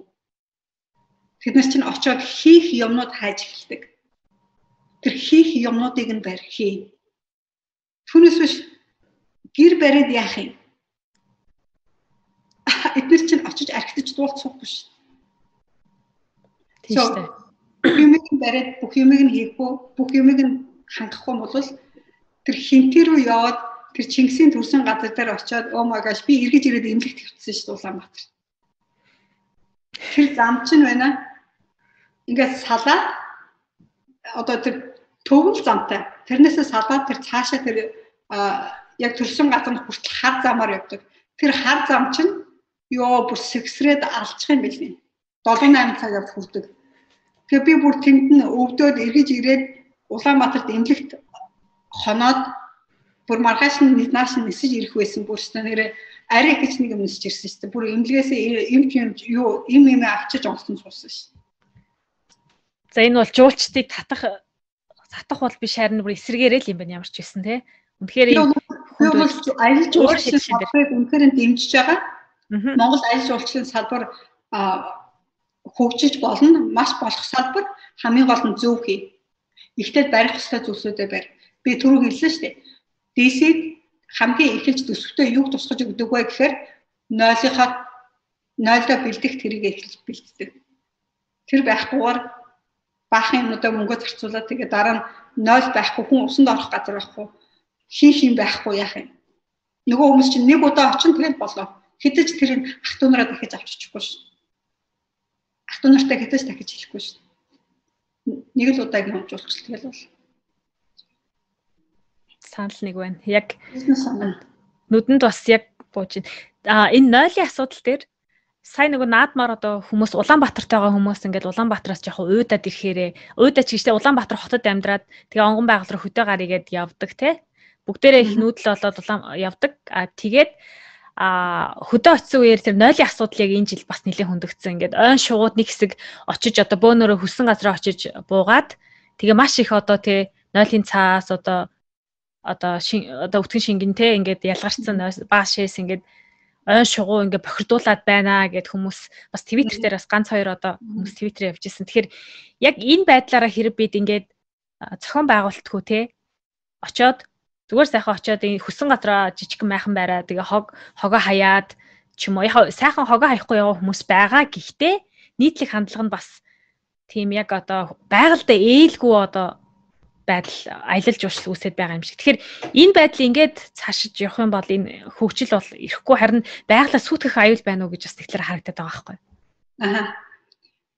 Энэ хата манай хөдөө орон нутгийн ажилгүйгээ байгаад байна шүү дээ. Ажил байхгүй, орлого байхгүй гэдэг. За гадаад орнуудад Америк гэж Солонгос, Япон бүх орнуудад ингээд парк руу орохоор паркны үүдэнд ингээ хаалган дээр хүмүүс мөнгө төлөөд парк руу ордог тийм үү? Тий. 5 доллар 10 доллар төлөөд ингээ парк руу ордог. Манай Монгол яг тэрийг хийж болно ш. Хөдөө орон нутгийн одоо тэр хөвсгөлийн бай, хаанхын бай тэр хүмүүс нь Улаанбаатараас очиж байгаа жуулчлалын хүмүүс ингээ хаалга үүд бариад үүдэнд нь ингэж бариад хөдөө орж байгаа хүмүүсээс мөнгө аваад тэр мөнгөөрөө яаж болох вэ гэхээр зэрэг аа тэр парк тэр паркийг чинь аштайхаа янзлж болно. Тэр хүмүүсийг ингээ зөвхөн игнэ игнэгээр ингээ майхантай байлгадаг ч юм уу тийм тэнд нь явуулын нойл бариад ингээ зэгцэлж янзлж болдог ч юм уу. Явуулын юутай усанд ордог газартай ч юм уу. Гэх мэтчлэн ингээд хүмүүсээс төлбөр аваад а тэнд нь одоо авсан төлбөрөөрөө нэг хүнийг ажилтаа ч юм уу хоёр хүнийг ажилтаа болгоод тэр хоёр хүнээрээ одоо хог хогийг нь хогийн сав аштайхын яаж янзал зэгцэлж болох вэ? Хогийг нь зэгцлэх арга хэмжээ аваад, нойлыг нь зэгцлэх арга хэмжээ аваад, усанд оруулах тэр арга хэмжээг нь аваад энэ гурыг чинь зэгцэлж өгвөл тэгээд 2 3 хүн зуны турш ажиллаа болгоод тэгэл орон нутгийн захир засаг захиргаанууд тэр чинь аштайхаа янзлж болох байхгүй. Ерөөсөө гадаад орнуудын паркнууд чинь бүгдээрээ тэгж үйл ажиллагаа явуулж байгаа шүү дээ. Орон нутгийн засаг захиргаанууд паркнд үүднээс нь татвар аваад ингээл ингээл оруулчихдаг. Тэг кампинг хийх хийхээр нэрээ бас мөнгө төлдөг юм байл шүү дээ. Би бас найз залуутайгаа Sequoia National Park руу явсан. А яг одоо кампинг хийх яриадаа болохоор 80 доллар, орохдоо болохоор 10 10 доллар төлдөг юм билээ. Тэгэхээр яг энэ энийг одоо эргээл хэрэгжүүлж Би орон шоколад авах чинь тэр маш амар. За а за одоо үндэсний дотоодын а одоо цар тахлын үеэс одоо COVID-19-ээс үүдээд бизнесүүд нэлийн одоо shift хийж одоо өөрчлөлт хийж байгаа тий одоо тухайлбал одоо Victoria's Secret, Zara зэрэг одоо компаниуд болоод нэлээд онлайн хэлбэрөөр шийдээд нөгөө талаас одоо Starbucks тухайлбал бизнес модель компаниуд өөрчлөгдөж байгаа.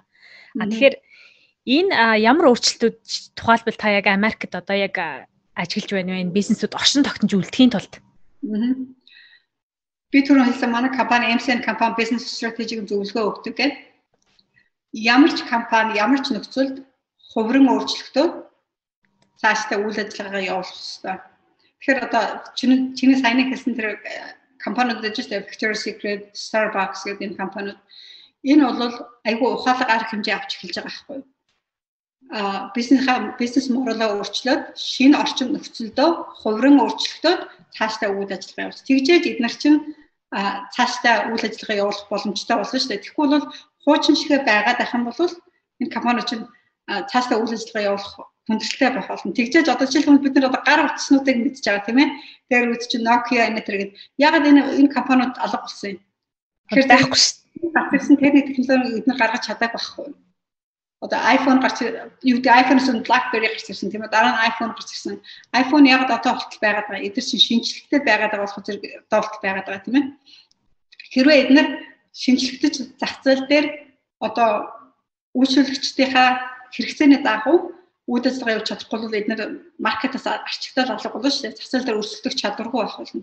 Тэгэхээр зэрэг өрсөлдөх чадвартай байх гэх юм бол хэрэглэгчдийнхаа хэрэгцээний дагуу хувьсан өөрчлөгдөж цаашдаа явуулах үйл ажиллагаанд болно. Тэгжээж зах зээл дээр өрсөлдөх чадвартай байж зах зээл дээр одоо survival тийм ээ амжилттай бизнесээ явуулах үйл ажиллагаатай болдог. Бид нар яг адилхан төлөвлөгөөг үйлчлэгчтэй өнөөдөр өгдөг. Аа зөв. За та та компанийнхаа талаар бас аа Одоо та бол Америкт танай компани ерөнхийдөө одоо бизнес стратеги зөвлөгөө өгдөг гэсэн үг. Та нэг товчхон танилцуулаач. За бид нар бол яг Америкуудтай үйл ажиллагаа явуулдаг байсан. За тэгээ сүүлийн одоо нэг жил монголчуудтайгаа илүү их ажиллаж байна. Аа тэгээд манай нэг партнер маань Монголдоо, а нөгөө партнер маань бид нарт гурлаа, нөгөө партнер гурван партнерстай. Нөгөө партнер маань болохоор зэрэг Америк яг монголчуудаас бас айгүй монголчуудаа ажиллаад одоо мэдээж 20 жил Америк компанид ажиллаад одоо Америк cultureтэй зан заншилд илүү их сурсан байсан. За тэгэхээр сүүлийн одоо нэг жил Монгол би ч гэсэн одоо бараг л монгол хэлээд одоо дахин сурчин да. Ажиллаж ирснээс хойш. Аа тэгээд мэдээж энэ бол чаленжтэй миний хувьд ч гэсэн бас яг монгол хүмүүсийн дунд ороод ажиллахаар зэрэг зөндөл их сурсан. Гэхдээ Америкт байгаа монгол компаниудыг харахад нэг зүйл нь манай монголчууд айгүй одоо хард work-ийн те айгүй сайн ажилтдаг хүмүүс бусад компаниудаас монгол компанид айгүй их давуу тал байдаг. Яг тэгэхээр тэд нар чанарын хувьд монгол компаниуд айгүй өндөр чанартай.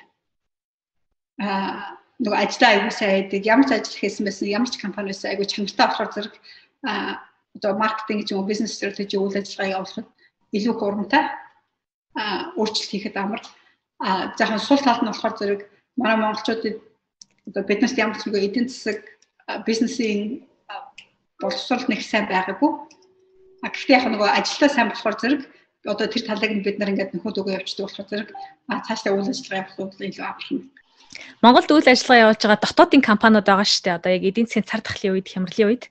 Аа а нэлээ эдийн засаг нь хаагдаад одоо үйл хөл хорой тавигдаад хүмүүс одоо эдийн засгийн хувьд одоо үйл ажиллагаа нь бол нэлийн хүнд байдал руу мэдээж орж байгаа. Одоо ашиг орлого олохгүй болохоор а тэгэхээр энэ компаниудад та яг одоо мэрэгжлийн хүний хувьд те Монголд одоо үйл ажиллагаа явуулж байгаа компаниудад та нэг гурван зөвлөгөө өгөөч. Яг маркетинг тал дээр нь одоо яаж амьд үлдэж цаашдаа үргэлжлэх вэ? Монголд байгаа компаниудад уу? Тийм. Тийм. Монголын нэг одоо хэцүү тал нь юу гэхээр зэрэг засгийн газар танаас нь хориг тавиад байгаа тийм ээ. Тий. Тэр одоо хамгийн нэг хүндрэлтэй тал нь за тэгтээ хэрвээ боломжтой бол хамгийн нэгдүгээр маркетингаа зөв хийх хэрэгтэй. Тэгээ үйлчлүүлэгчдээ өөрсдөө зөв таниулах хэрэгтэй. Манай монголчуудын нэг сул тал нь тэрэндээ байдаг. Одоо та хэрвээ мянган сайн бүтээгдэхүүнтэй байгаад үйлчлүүлэгчид таныг мэдэхгүй бол яаж компани чинь амжилттай ажиллах уу? Тийм ээ тийм болохоор зэрэг маркетинга зөв хийх хэрэгтэй. Үйлчлүүлэгчдээ өөрийгөө зөв танилцуулах хэрэгтэй. Зүгээр нэг өөрийнхөө тэгээ авсан селфигээд фейсбુક дээр тавихтаа гол нь хамгийн гол нь маркетинга зөв хийх. За хоёрдугаар үйлчлэгээний чанар. Манай Монгол тэр айгүй дутагдaltaа та өөрөө үйлчлэгээнийхээ чанар чанарыг сайжруулсан байхад хизээч та за манай Монгол бусад бус бүхэл компанид юм байдаг штэ гэж битгий тэгэж харц. Та өөрөө үйлчлэгийнхаа чанарыг сайжруулсан байхад ялангуяа энэ үед та өрсөлдөгчдөөсөө илүү сайн үйлчлэг үзүүлэхэд таны үйлчлэгчин танаар буцаж ирэх боломжтой тийм. Тийм болохоор үйлчлэгийнхаа чанарыг сайжруулах хэрэгтэй. За тэгээд за хамгийн нэгдүгээрх нь болохоор бүтээгдэхүүнийхаа чанарыг сайжруулах. Бүтээгдэхүүний чинь чанар сайн байхад тэгээд маркетингаа хийгээд үйлчлэгийнхаа чанарыг сайжруулахад танай компани бусад компаниудаас илүү та энэ эдийн засгийн хямралаа давах гарах бүрэн боломжтой. Маркетингийн маркетинг дээр одоо тухайлбал та нэг яг энгийн нэг одоо хүнд хүрэхээр те одоо жишээ нь би нэг дэлгүүр ажилладаг хүн байлаа гэхэд надад та ямар зөвлөгөө өгөх вэ? Яг маркетинг гэдэг дээр. Манай Монголд ингээд нэг word of mouth гэдэг шүү дээ тийм манай Америкт бол word of mouth ингээд хүнээс нэг найзаагаа авчраад нэг нэг нэг ингээд тийм байдаг. За хэрвээ дэлгүрт ажилладаг хүн байлаа гэхэл чинь яаж одоо би тэ за чи найзаагаа авчраад манай дэлгүүрээс ингээд би чамд өөрт чинь хямдрал өгөөсэй ч юм уу ийм ийм жижигхэн юмнаас юм айгүйх үүснэ.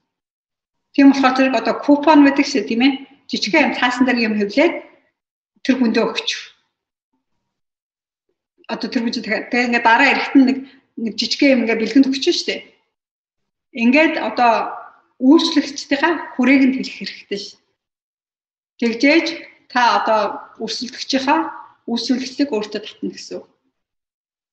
Тамаас. За. Одоо жишээ нь энд би нэг кофе шоп дандаа заримдаа дандаа очдог байхгүй одоо сургуулийн хажууд. Тэгээд очингууд дандаа нэг 10 шиг ийм нүдтэй ингээ нэг нэг нэг нэгээр нэм дардас дарж өгдөг. Тэгээ миний 10 10 дахь кофе миний өнгөө.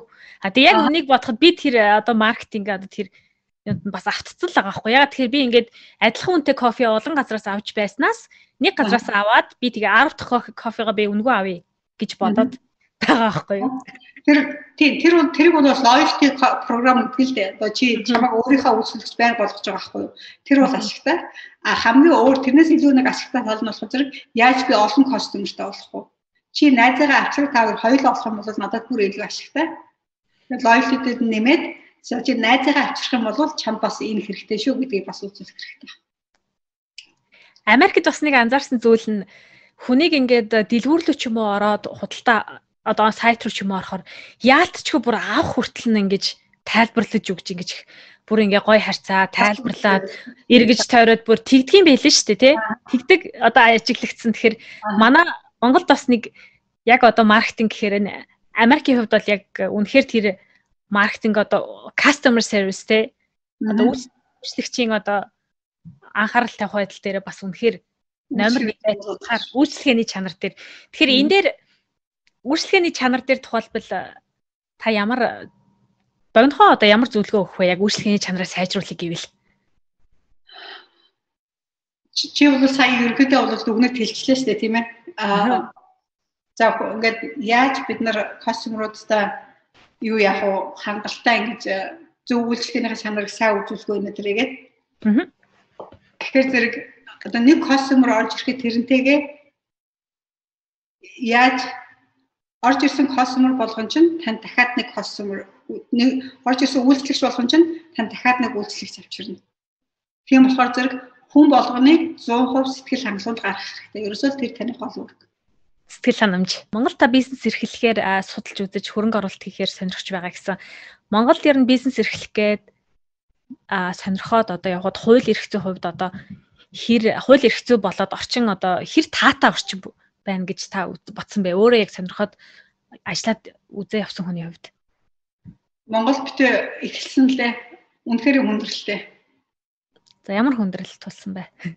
Аа Америкт хардаа хэрвээ би компани бүртгүүлээд үйл ажиллагаа явуулах юм бол би зүгээр л компьютерийнхаа уртал суугаад интернетээр бүх юм хийчихнэ. Би хідээж тийшээ ороо тэнд хүнтэй уулзаад ийшээ очиод ингээд ингээд ингээд тийх ямар ч шаардлага байхгүй. Гэтэл манай Монголд болохоор зэрэг тэр хэлтсээр очиод тэр хүнтэй уулзаад энэ хэлтсээр очиод энэ хүнтэй уулзаад ингээд bureaucracy тэр хүн суртал бүр арайд ингээд одоо эн чинь интернетийн үе шүү дээ тийм ээ. Тийм шүү дээ. Тэгэхээр энэ бүх policy procedure одоо энэ үйл ажиллагааг хямжаадаг байгууллагууд яамдууд байгаа. Манай Монгол шиг олон ажилчинтай яам бараг 3 сая хүнд хэдэн яам байгаа вэ? Энэ яамд нь хэдэн ажилчин байгаа вэ? Хүний нөөц хангалттай хүний нөөцтэй манай улс. Хэд вебсайтаа тэгээ ямжилчих боломж байна. Тэгэхээр энэ бол менежментийн алдаа би policy procedure одоо тэ дүрм журм гаргаад би 10 хэдэн жил болж байна. Миний бүх хамгийн нэгдэх гол зорилго юу вэ гэхээр зэрэг яаж би үйлчлүүлэгчтэй efficient тийм ээ одоо бүр монголоор өвчлөд орчуулах юм бол гай болохгүйгээр хамгийн амархнаар энэ зүйлийг хийх вэ гэдэг бүх зүйл байдаг. Тэгэхэд манай Монголын үйл ажиллагаа яавал одоо энэний цагийг бараад тий өдөрт өглөөжингөө яваад ганцхан л ажил бүтээвэх юм. Тэгэл нэг газар очиод очрлол таг зогсож. Банкнд хүртэл очиод очрлол зогсож. Технологийн давуу талыг бас бүрэн ашиглах тал дээрээ.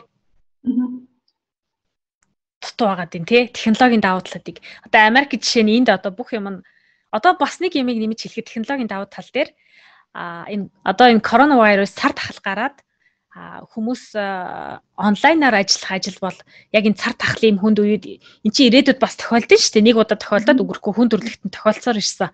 Тэгэхээр яг энэ цар тахлын үедэд бас энэ технологийн давуу талыг ашиглах одоо онлайнаар үйл ажиллагаа явуулах бас нэлээд их а одоо тийм модонд орж ирэх юм уу? Хэлж явах шиг байна тий. Одоо цар тахтаас болоод зөндөө олон орнууд Америкт явандаа ингэ цааш нь үргэлжлүүлээд гэрээс ажиллаж магадгүй гэж хэлж байна Яг тэд нар өөрсдийнх нь хувьд ч гэсэн нөгөө байрны мөнгөнд хямдралтай. Яг тэр зарим компаниуд чинь одоо зөвхөн ренттэй байрныхаа одоо мөнгөнд 10 20 мянган доллар сар төлж байгаа. Тэгэхээр тэр тэр мөнгийг ажилчид нь гэрээс ажиллах юм бол тэр мөнгө хэмнэх боломжтой. Ялангуяа том компаниудад бүр ч их мөнгө хэмнэж байгаа. Манай компанид одоо хэлж байна та нар хал хувь нь одоо гэрээсээ ажиллаад бид нар ээлжлээд ажилдаа ирвэл яасан гэсэн юм одоо бүгд нэр яригдчих эхэлж байна. Тэгэх юм бол манайх одоо сарын 100000 доллар хэмнэх боломжтой болж байна. Энэ одоо дэлхийн бизнест гарч байгаа нэг шинэ хэв маяг одоо шинэ хандлага. Тийм. Тэгэхээр Монгол бас одоо бол бид нар бүгдээрээ гэрээсээ ажиллаад одоо бараг бүтэн жил гэрээсээ ажиллаа. Бүх юм нормалны явж эхэлж байна. Ерөөсөө болохгүй байх байна.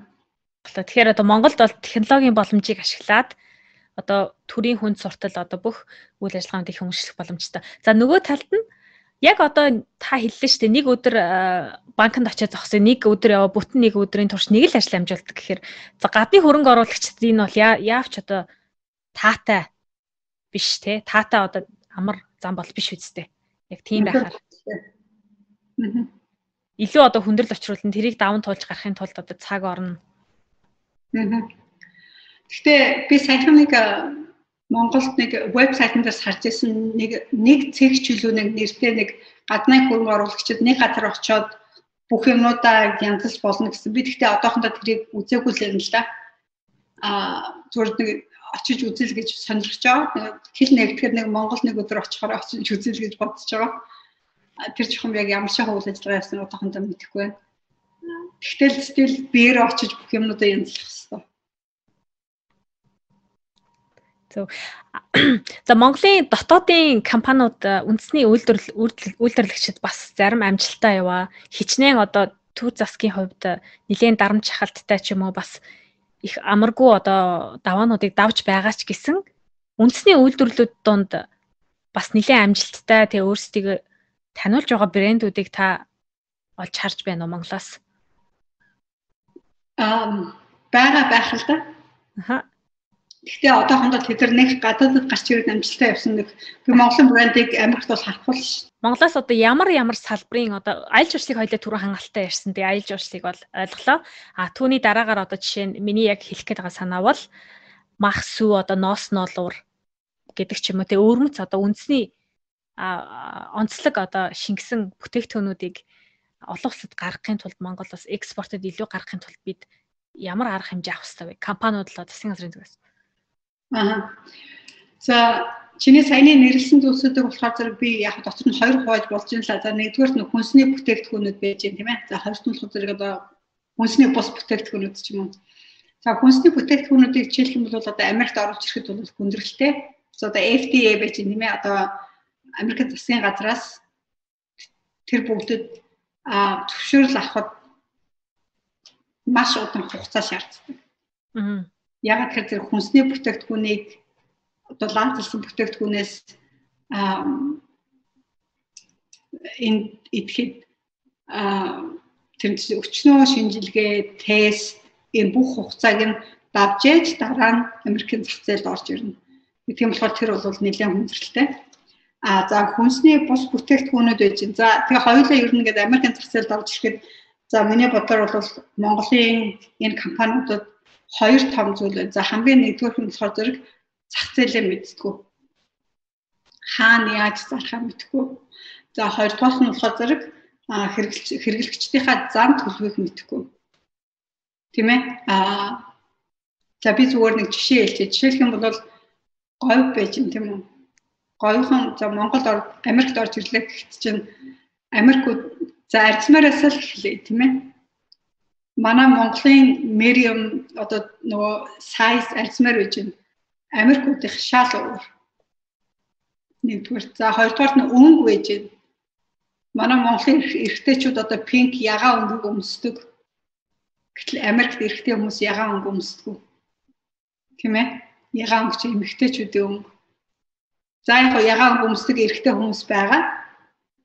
Аа Гэхдээ тэр нь болохоор зэрэг маш цөөхөн хувийн хүмүүс байгаа тийм ээ. Гэх мэтчлэнгээр ингээл одоо Америкуудын хэрэглэгчдийн тэр зан төлөвөө яаж мэдхүү? Аа гэл ингээд за тэгээд хаана юунаас яаж зарах вэ? Юу бичиж яаж зарж яаж энэ хүн яаж харагдчихэж? Тийм ээ. Зөвхөн одоо moral байж штэ тийм ээ. Одоо тэр хувцас өмсөж байгаа тэр зураг зураг нь байж тэр зураг нь баахан 30-гүй модель шиг тийм хүмүүс тавьчихаар Америкууд тэрийг авах уу? Америкууд ч тийм модулуудад итгэдэггүй шүү дээ, тийм үү? Модулуудыг авах болчихсон. Гэх мэтчлээ ингээд. Ингээд манайхан юугаа мэддгүү гэхээр зэрэг Америкуудын хэрэглэгчдийнхаа тэр зам төлөвийг мэддгүү. Ингээд тэрнээсээ болоод өнөөдөр Америкийн зах зээлд орж ирж мэдэхгүй байна. Яаж тэднэртэй харьцахаа мэдэхгүй.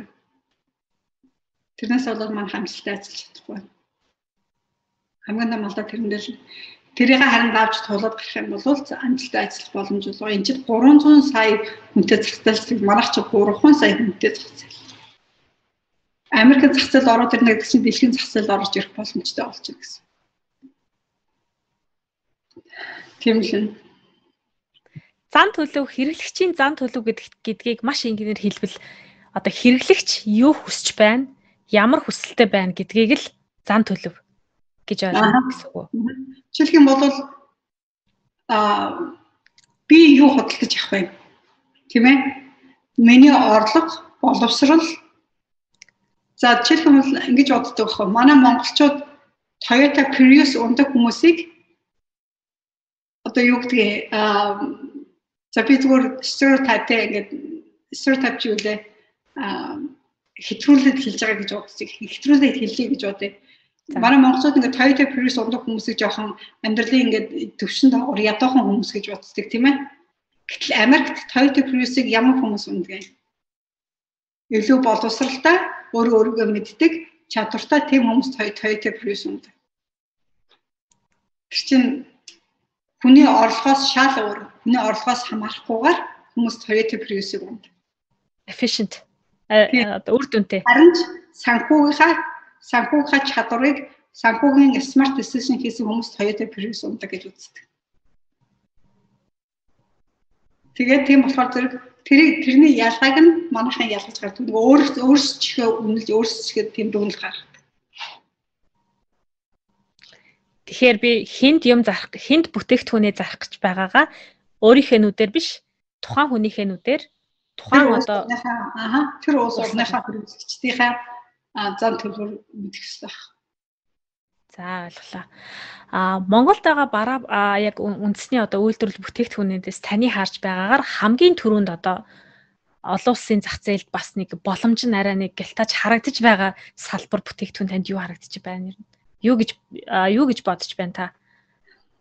За а ер нь бол юу ч байж болно. 300 сая хүн чинь юу л бол юу хэрэглэн шүү дээ. Хувцас, хунар, цаг, за учруу нэг цагч нэг хэрэглэхгүй л ахalta хувцас хунар байж гэн тийм ээ а цүнх хэрэглээ ер нь хүний хэрэгэлдэг юу л вэ тэр бүгдийг эндэж адилхан бүгдээр л хэрэглэн шүү Тийм болохоор бол би тэгэл бүхэл юмыг л бид нар хэрэглэн Америкт хэрэглэн л гэж бодож байна. Зах зээлийг хараад хараад судлаад үзэх юм бол зан төлөө ойлгох юм бол боломж байгаа. Бүрэн боломж байгаа. Нэг боломж байгаа. Аа. Би бол тэгж л үзэж байгаа. За ойлголоо ингээд.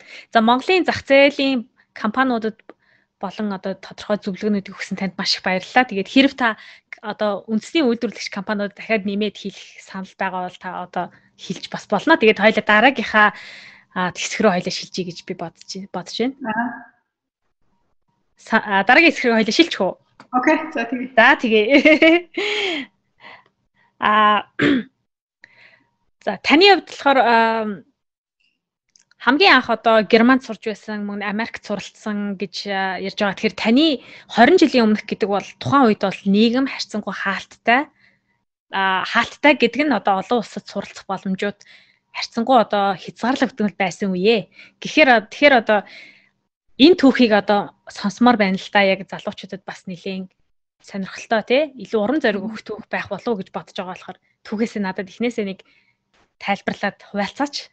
Аа Тийм л дээ. Гэхдээ одоо бол харцсангаа бүх юм гайгүй гайгүй айгүй нээлттэй болсон тий. Хүүхдүүд ингээд баг интернетээр үзэл компьютероос хараад за ийшээ явах боломжтой мөн тийшээ явах боломжтой мөн ингээд ингээд явдаг болсон. Би ч одоо бараг л заримдаа бараг сохор азар герман явсан юм шиг л боддөг ш. Тэр үдч бараг миний үдсэн тэгэл баян айлын хүүхдүүд л гадаад явдаг ч юм уу. Ер нь тэмхэл сонирхолтой байсан. Тийм л байсан. Тэгээ би ч тэгээд дахны зүгээр л нэг энгийн л айлын хүүхэд тэгээ герман яваад а дараа нь тэндээс одоо бас л сохор азар баг Америкт ирсэн ч юм уу тэгэл заримдаа тэгэл бодсон юм уу өмнөшмөр гэж юм шиг Аа Гэтэ миний хувьд бол ингээд өөр өөр оронд амьдарснаар би айгүй хэм сурсан. За хамгийн нэгдүгээр мэдээж өөр хэл сурна гэдэг бол хамгийн том миний хувьд advantage тий өөр хамгийн том ашиг байсан. Ягаад гэхээр зэрэг жишээлбэл англи сурна гэдэг бол ингээд энэ англи хэлээр чинь бодоо бүхэл шинжлэх ухааны зүйлсүүд гарсан тийм дараа нь мэдээж боловсрол эзэмших боломж гарна гэдэг бол маш агуу боломжтой зүйл. Тэгээ чи боддоо одоо хүүхдүүд чи юу Facebook, Twitter, Instagram энэ тэр би ч одоо дээр үед германаас гэрлүүгөө захиа бичдэг байл ш. Тийм үү? Миний захиас таасад Монголд очино. Манай гэрийн хариу үжгээр сар болоод эргэж ирнэ гээ хоёр сар дөрөөсөө нэг удаа. Тэгжэл баг нэг интернет гэж нэг юм гараад анхавтайгаа имэйл манай ах надад hotmail-ийн имэйл нэг гэж нээж өгчээд шүү. Тэгээд ингээ имэйл явуулсан чинь ингээл амар хурдан хариу ирээд би чи бүр гайхаж байгаа юм чинь байна. Шууд орох шаардлагагүй болсон юм шиг бүр тэгэж гайхчихсан. Тэгээ одоо мэдээж тэр үедээ харьцуулбал баг хүн хэлэх юм бол баг итгэхгүй байх. Та одоо хэдэн онд анх Германд оюутан болж очиж исэн гэсэн үг. Тэгээ бас та нөгөө мөнхөө сан гэдэг та ахыхаа талаар нэг ярилцлаган дээр дуудсан байсан. Яг энэ ахтай зориулаад санг байгуулсан гэд. Энэ талаараа хуваалцаач та. Тийм манай ах маань яг талигаач болцсон лоо. Тэгээд одоо хамгийн анх нам хамгийн их тусалж дэмжиж надад одоо өнөөдрийн миний боловсрол өнөөдрийн миний амьдрал хүрэх бүхэл одоо арга замыг тусалсан хүмүүс маань болохоор зэрэг тэр ах маань байгаа. Тэгээд хамгийн анх намайг одоо герман явж явах а миний мөнгөийг төлөөд онгоцны зардлыг төлөөд ингээд би ч одоо бас л мэдээж айс идэж чи одоо амьдралдаа баг тархнасаа гарч үзээгүй хүүхд чинь тэгэл те юу ч мэдэхгүй. Тэгэл оо миний төс нарыг явах хэрэгтэй гэл. Тэгээд би чинь ингээд амьдралдаа хязгаарч онгоцон сууж үзээгүй хүн чинь гэвгүй Улаанбаатарын тэр буян тухайцсан зүгээр хачин амар том онгоц анх удаага онгоцны буудлын дээр очиж үзэл тэгээд онгоцны суугаал Берлин рүү явж ирсэн. Тэгээ манайх надад ингээд миний онгоцны билетийг төлж өгөөд ингээд явуулж ирсэн. Тэгээд а миний боловсролд айгүйх нүдэ үзүүлсэн. А ах маань дахны цахилгаан станцны софтвер инженер байсан. Тэгээд тэр маш өндөр боловсралтай. Тэгээд өөрөө бүр ингээд өөрөө бүр бие дагаад англи хэл хүртэл үзчихсэн тийм юм байсан. Тэгээд яхихаа нэрээр мөнхөө сангаа нэрлсэн. Аа ойлголоо. Тийм болохоор би айгүйх боловсролын одоо салбарт илүү хүн оруулах туфтай. Бол хүүхдүүдэд манай Монголд гэхдээ чадaltaй хүүхдүүд айгүй их байна. Би бүр заримдаа зарим хүүхдүүдийг нөө сонгож шалгаруул авсан хүүхдүүдийг би бүр үнэхээр гайхдаг биширдэг. Зарим тэгээ арг нарын ямар гачигдaltaй хүүхдүүдэр нь тэгсэн мөртлөө тийм хэцүү амьдрал дундаас тийм амар өндөр амжилтанд хүрчихсэн хүүхдүүд хүүхдүүдтэй би уулзчихсан. Тэгээд үнэхээр үнэхээр биширсэн тэр хүүхдүүд. Баргалтай санагдаж байна. Аа Германт анх очихдоо оюутан болж очиж байсан уу тий? Хамгийн анх. Тийм тэгээд яг Германд эхэлж очичвол мэдээж хэцүү л байсан л да. Тэгээд хамгийн энэ тийм ч гэсэн тэгэл зөндөө бодож байсан. Би нэг автобусанд суугаа явжсэн чинь миний ард хоёр монгол залуу орж ирээс автобусанд суугаад тэгснэ намайг би урдлан суужсэн чинь энэ яасан монгол царайтай хожоо Нөгөөдх нь ойлгосон. Тэгээ би эргээ харсан чинь хүс чи ойлгоод байгаа. Би нэг Монгол гэж тэгээ би тэр үед жоохон инээ түрээд юу манай аавч ярьсан захных байхгүй. Тэгээ би өөрөө яахлаар намайг одоо хоцоо гэж боддог нь манай ч одоо бүр хааваа захны хэлсэн. Ийм Монгол юм надаа ийм Монгол юм хацар байна чи гэж хэлэхгүй. Тэгсэн чинь нөгөө тийм амар Монгол царайд байсан гэх. Тэгээд би ч нэг юу ч мэдэхгүй байсан болохоор тэгээд тоглоомыг л өнгөрсөн бэ. Зүг зүг. Аа та мөнхөө сангаараа дамжуулаад ер нь хизээнээс үйл ажиллагаа эхлүүлв одоо оюутнууд хичнээн оюутнуудад те ямар одоо зүйгээд 3 4 жилийн өмнөөс эхэлж үйл ажиллагаа эхэлсэн.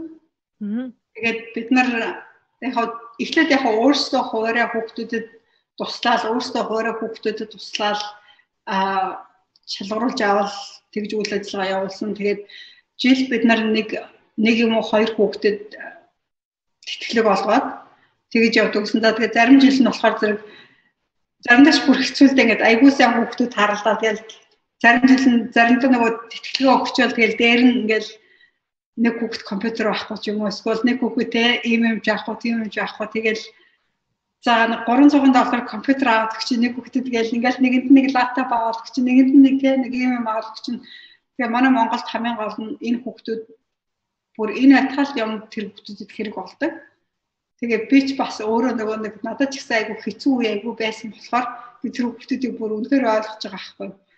Тэгээд хамгийн гол нь тэр хүүхдүүд амар сайн хүүхдүүд. Би бүр а мөсийн 3 дугаар курсын оюутан 4 дугаар курсынхаа ах эгс нартай хүртэл өрсөлдөд явж байгаа тийм амар сайн хүүхдтэй таавалтаж үздэсэн тий. Тэгээд тэгсэн мөртөө компьютер авах уу юм тий. Тэгэл битүү чинь Америк дэрнгүүтэй гялс баргал мараас нэг компьютер аваад гэвэл буцаж евро явуулаад Монгол руу явуулаад. Тэгэл гэх мэтчлэн тэгээ яг амьдралаа нэг удаач болсон тийм нэг хүүхдийн чулсан амьдрал нэг өөрчлөлт оруулах юм бол дараа тэр хүүхд чинь хэдэн жилийн дараа тийм ямар ч хүнээ өөрчлөлт оруулаад ямар ч амжилтанд хүрэх юм бэлээ. Хамгийн гол нь зорилго нь тэрэнд дэлсэн. Тэр үнэхээр маш том тус гэж би яг бодож байгаа. Яагаад тэгэхээр хүнд яг хэрэгтэй үед нь хүнд хэрэгтэй юм юм одоо өгнө гэд олж аавна гэдэг бол үнэхээр бас баярлдаг юм билээ. За миний хувьд ч гэсэн адилхан л та. Би одоо оюутан байхдаа айгүйх эсэ бичдэг байсан л да эсэ бичээл нэг удаа нэг солонгос сурж байгаа залуучуудаас надаа би анх удаа аны компьютероос тийч авч исэн. Хэдэн хэдэн настай байсан бэ? А 10 дугаар англи байсан юм байна. Тэгээд яг төгсөөд төгсгээд тэгээ компьютергүй л байсан тухайн үед бас л нэг ийг л одоо тийм боломж одоо тийм баян интерайлийн одоо хүн ба хүүхд бол угаасаа биш. Тэгээ яг анхны компьютер аваад бас үнэхээр яг л тэр үед одоо тэр хүүхдүүдийн сэтгэлийг би бас ойлгож байгаа байхгүй. Ягаад тэгэхээр би өөрөө тэгж үнэхээр баярлж ирсэн. Яг анх бас нэг юм компьютер Toshiba-гийн нэг юм гоё фэнси байгаагүй. Гэхдээ хуучин компьютер байсан. Гэхдээ л яг анхны компьютер маань тэгж аваад бас үнэхээр баярлж ирсэн. Тэгээ таны ийм олон одоо Монголдо эргэж хандаа хүүхдүүдэд залуустаа ингээд тодорхой хэмжээгээр те өөрийнхөө туслаа явж байгаад үнэхээр их барахж байна. Германд сурч байхдаа аа яг хамгийн өөрт тулгарч байсан одоо тийм мөчүүд ямар байсан бэ? Челленжийн одоо тий хүнд бэрхшээлтэй ч гэдэг юм уу давж гарсан өөрийгөө тухайн одоо өөр улсад амьдрахаар хүн хэл соёлын ялгаанаас эхлүүлээд а яг нэг том ингээд давааг яалтчгүй одоо өөрийнхөө нөгөө одоо хэр хэмжээг одоо давж гардаг тий өөрийгөө ялан дээлэнч гэдэг юм уу энэ тийм энэ талаасаа та Болцооч. За ер нь хэл сурах амар хэцүү л дээ. Аа тэгээд за бас дан заншил бас амар хэцүү.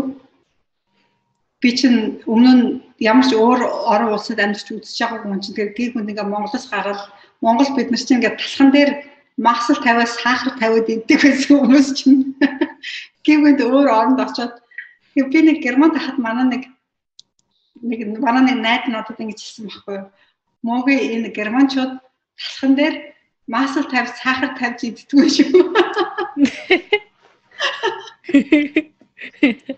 Гахаа юу иддэг гэдгсэн чинь талхан дээр масал тавиад барины тавиад иддэг шүү.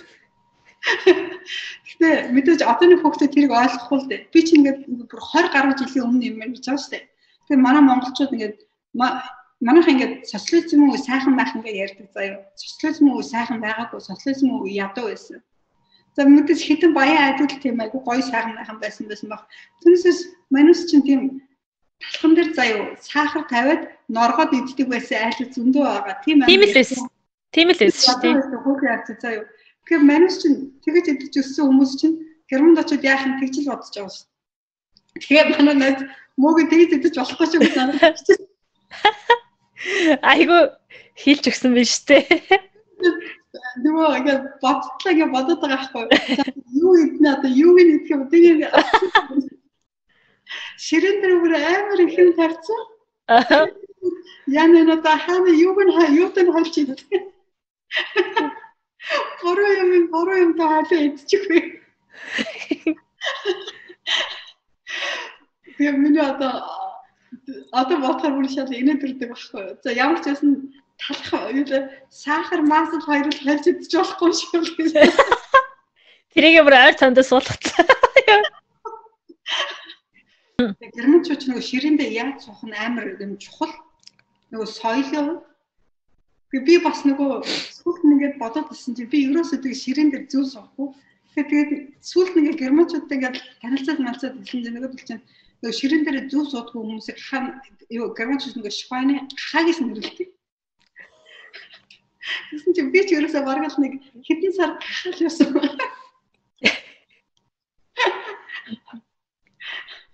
Та Харвард их сургуулийг төгссөн. Харвард бол бас бизнесийн сургууль бол үнэхээр амаргүй даваа. Айж чадсан бас нэлээд одоо хүний одоо тий хүнийг чадлыг сорно. Тэгэхээр Харвард их сургуулийг анх яаж тэнцэж орсон талаараа бас жоохон бид нартай залуучуудаа бас жоохон хуваалцаач. Аа айлнжууд юу байсан тухайн үед те бас Аа. За би хоёр удаа аплай хийсэн л дээ. Тэгээ эхний удаа болохоор би орч чадаагүй. Тэгээ эхний удаа би миний Gmail score ч гэсэн бас жоохон доогоор байсан. Тэгээд дээр нь яасан ч мэдгүй миний ажлын төв мөгч нэг сайн байгааг баг. Гэхдээ яг юу болсныг би сайн мэдгүй. А ер нь score score оноо моноо бүхэл юмнаас болсон баг та. А тэгээд дахиад би нэг жил гаруй дахиад бэлдсэн баг 2 жил жилтлээ А тэгэхээр тэгэхээр би тэр оноогоор би энэ нөгөө This George Town их сургууль орсон. Тэгээд George Town байж байгаа дахиад нэг нэг 2 жил бэлдээ. Жил гаруй бэлдлөө яа. Тэгээд дахиж ороод тэгээ яг хуу надад нэг сурсан зүйл гэх юм бол а бусад оюутнуудаас би их юм сурсан л да. А ер нь ингээд ороод за хамбал гэдэг тийм ингээд би бусад хүмүүстэй харьцуулахад би бол юу ч биш юм гэдгийг л мэдсэн. А ороод нэгээд суухад надаас би ч одоо ингээд 30 эдтэй орж байгаа тийм тэгэхэд чинь баг ингээд дөнгөж 20 эдтэй залуу ингээд самар дээр ботсон тоог баг буцаж байгаа юм биш үү. Тэгэл тэгмүүд чинь баг л эхнийхээ семестр за одоо би ч баг энэ семестрт хөөгдөх багтал гэж бодчихлээ шээ. Соёлоос суралцсан гурван зүйлээ. Аа за герман соёлоос суралцсан гурван зүйл гэх юм бол за хамгийн нэгдүгээр цаг барих. Германчууд бол 1 минут цаг хоцордог. Аа за хоёр дахь нь болохоор зэрэг аа дөрөн барих. Одоо тэр тал дээр Германы хөгжилд одоо нөлөөлсөн хамгийн нэг зүйлийг би бол тэр гэж боддог. А хариуц за 3 дахь нь болохоор хариуцлага тооцох байж. Би бол тэр дээр одоо яг адилхан тэр зүйлсийг хэрэгжүүлж эхэлсэн. Тэгснээрээ би миний одоо амжилтанд хүрэх нэг гол зүйл тэр байгаа гэж боддог. Аа надаас айгүй олон хүмүүс Америкчууд хүртэл надаас асуудаг. Мөгөө чамд би бизнесийн ертөнцид ороод чи ингээд дандаа ингээд 40 50 настай эрэгтэй хүмүүстэй би дандаа ажилладаг тийм ээ. Яг зөв. Танд энэ хэцүү юу гэж надад асуудаг. Тэгээд надад хэцүү байгааг санагдаагүй. Ягаад тэгэхээр зэрэг би анхнаасаа л би ажилд ороод ийм хүмүүстэй би ажиллаж эхэлсэн. Би эднэрийг яаж ажилтгийг мэддэг. Тэгээд ерөөсөө тийм хэцүү юм шиг надад ерөөсөө санагдчихаг. Тэгээ яагаад тэгэхээр зэрэг би ерөөсө хариуцлага гэдэг үгийг би дандаа мэддэг байсан. А тэгэхээр эрэгтэй хүмүүсийн эмэгтэй хүмүүсээс ялгагдах нэг онцлог нь бас тэрэндээ байдаг. Ялангуяа Америк, Герман эрэгтэй хүмүүс хариуцлага гэдэг үгийг эдгээр маш сайн ойлгодог.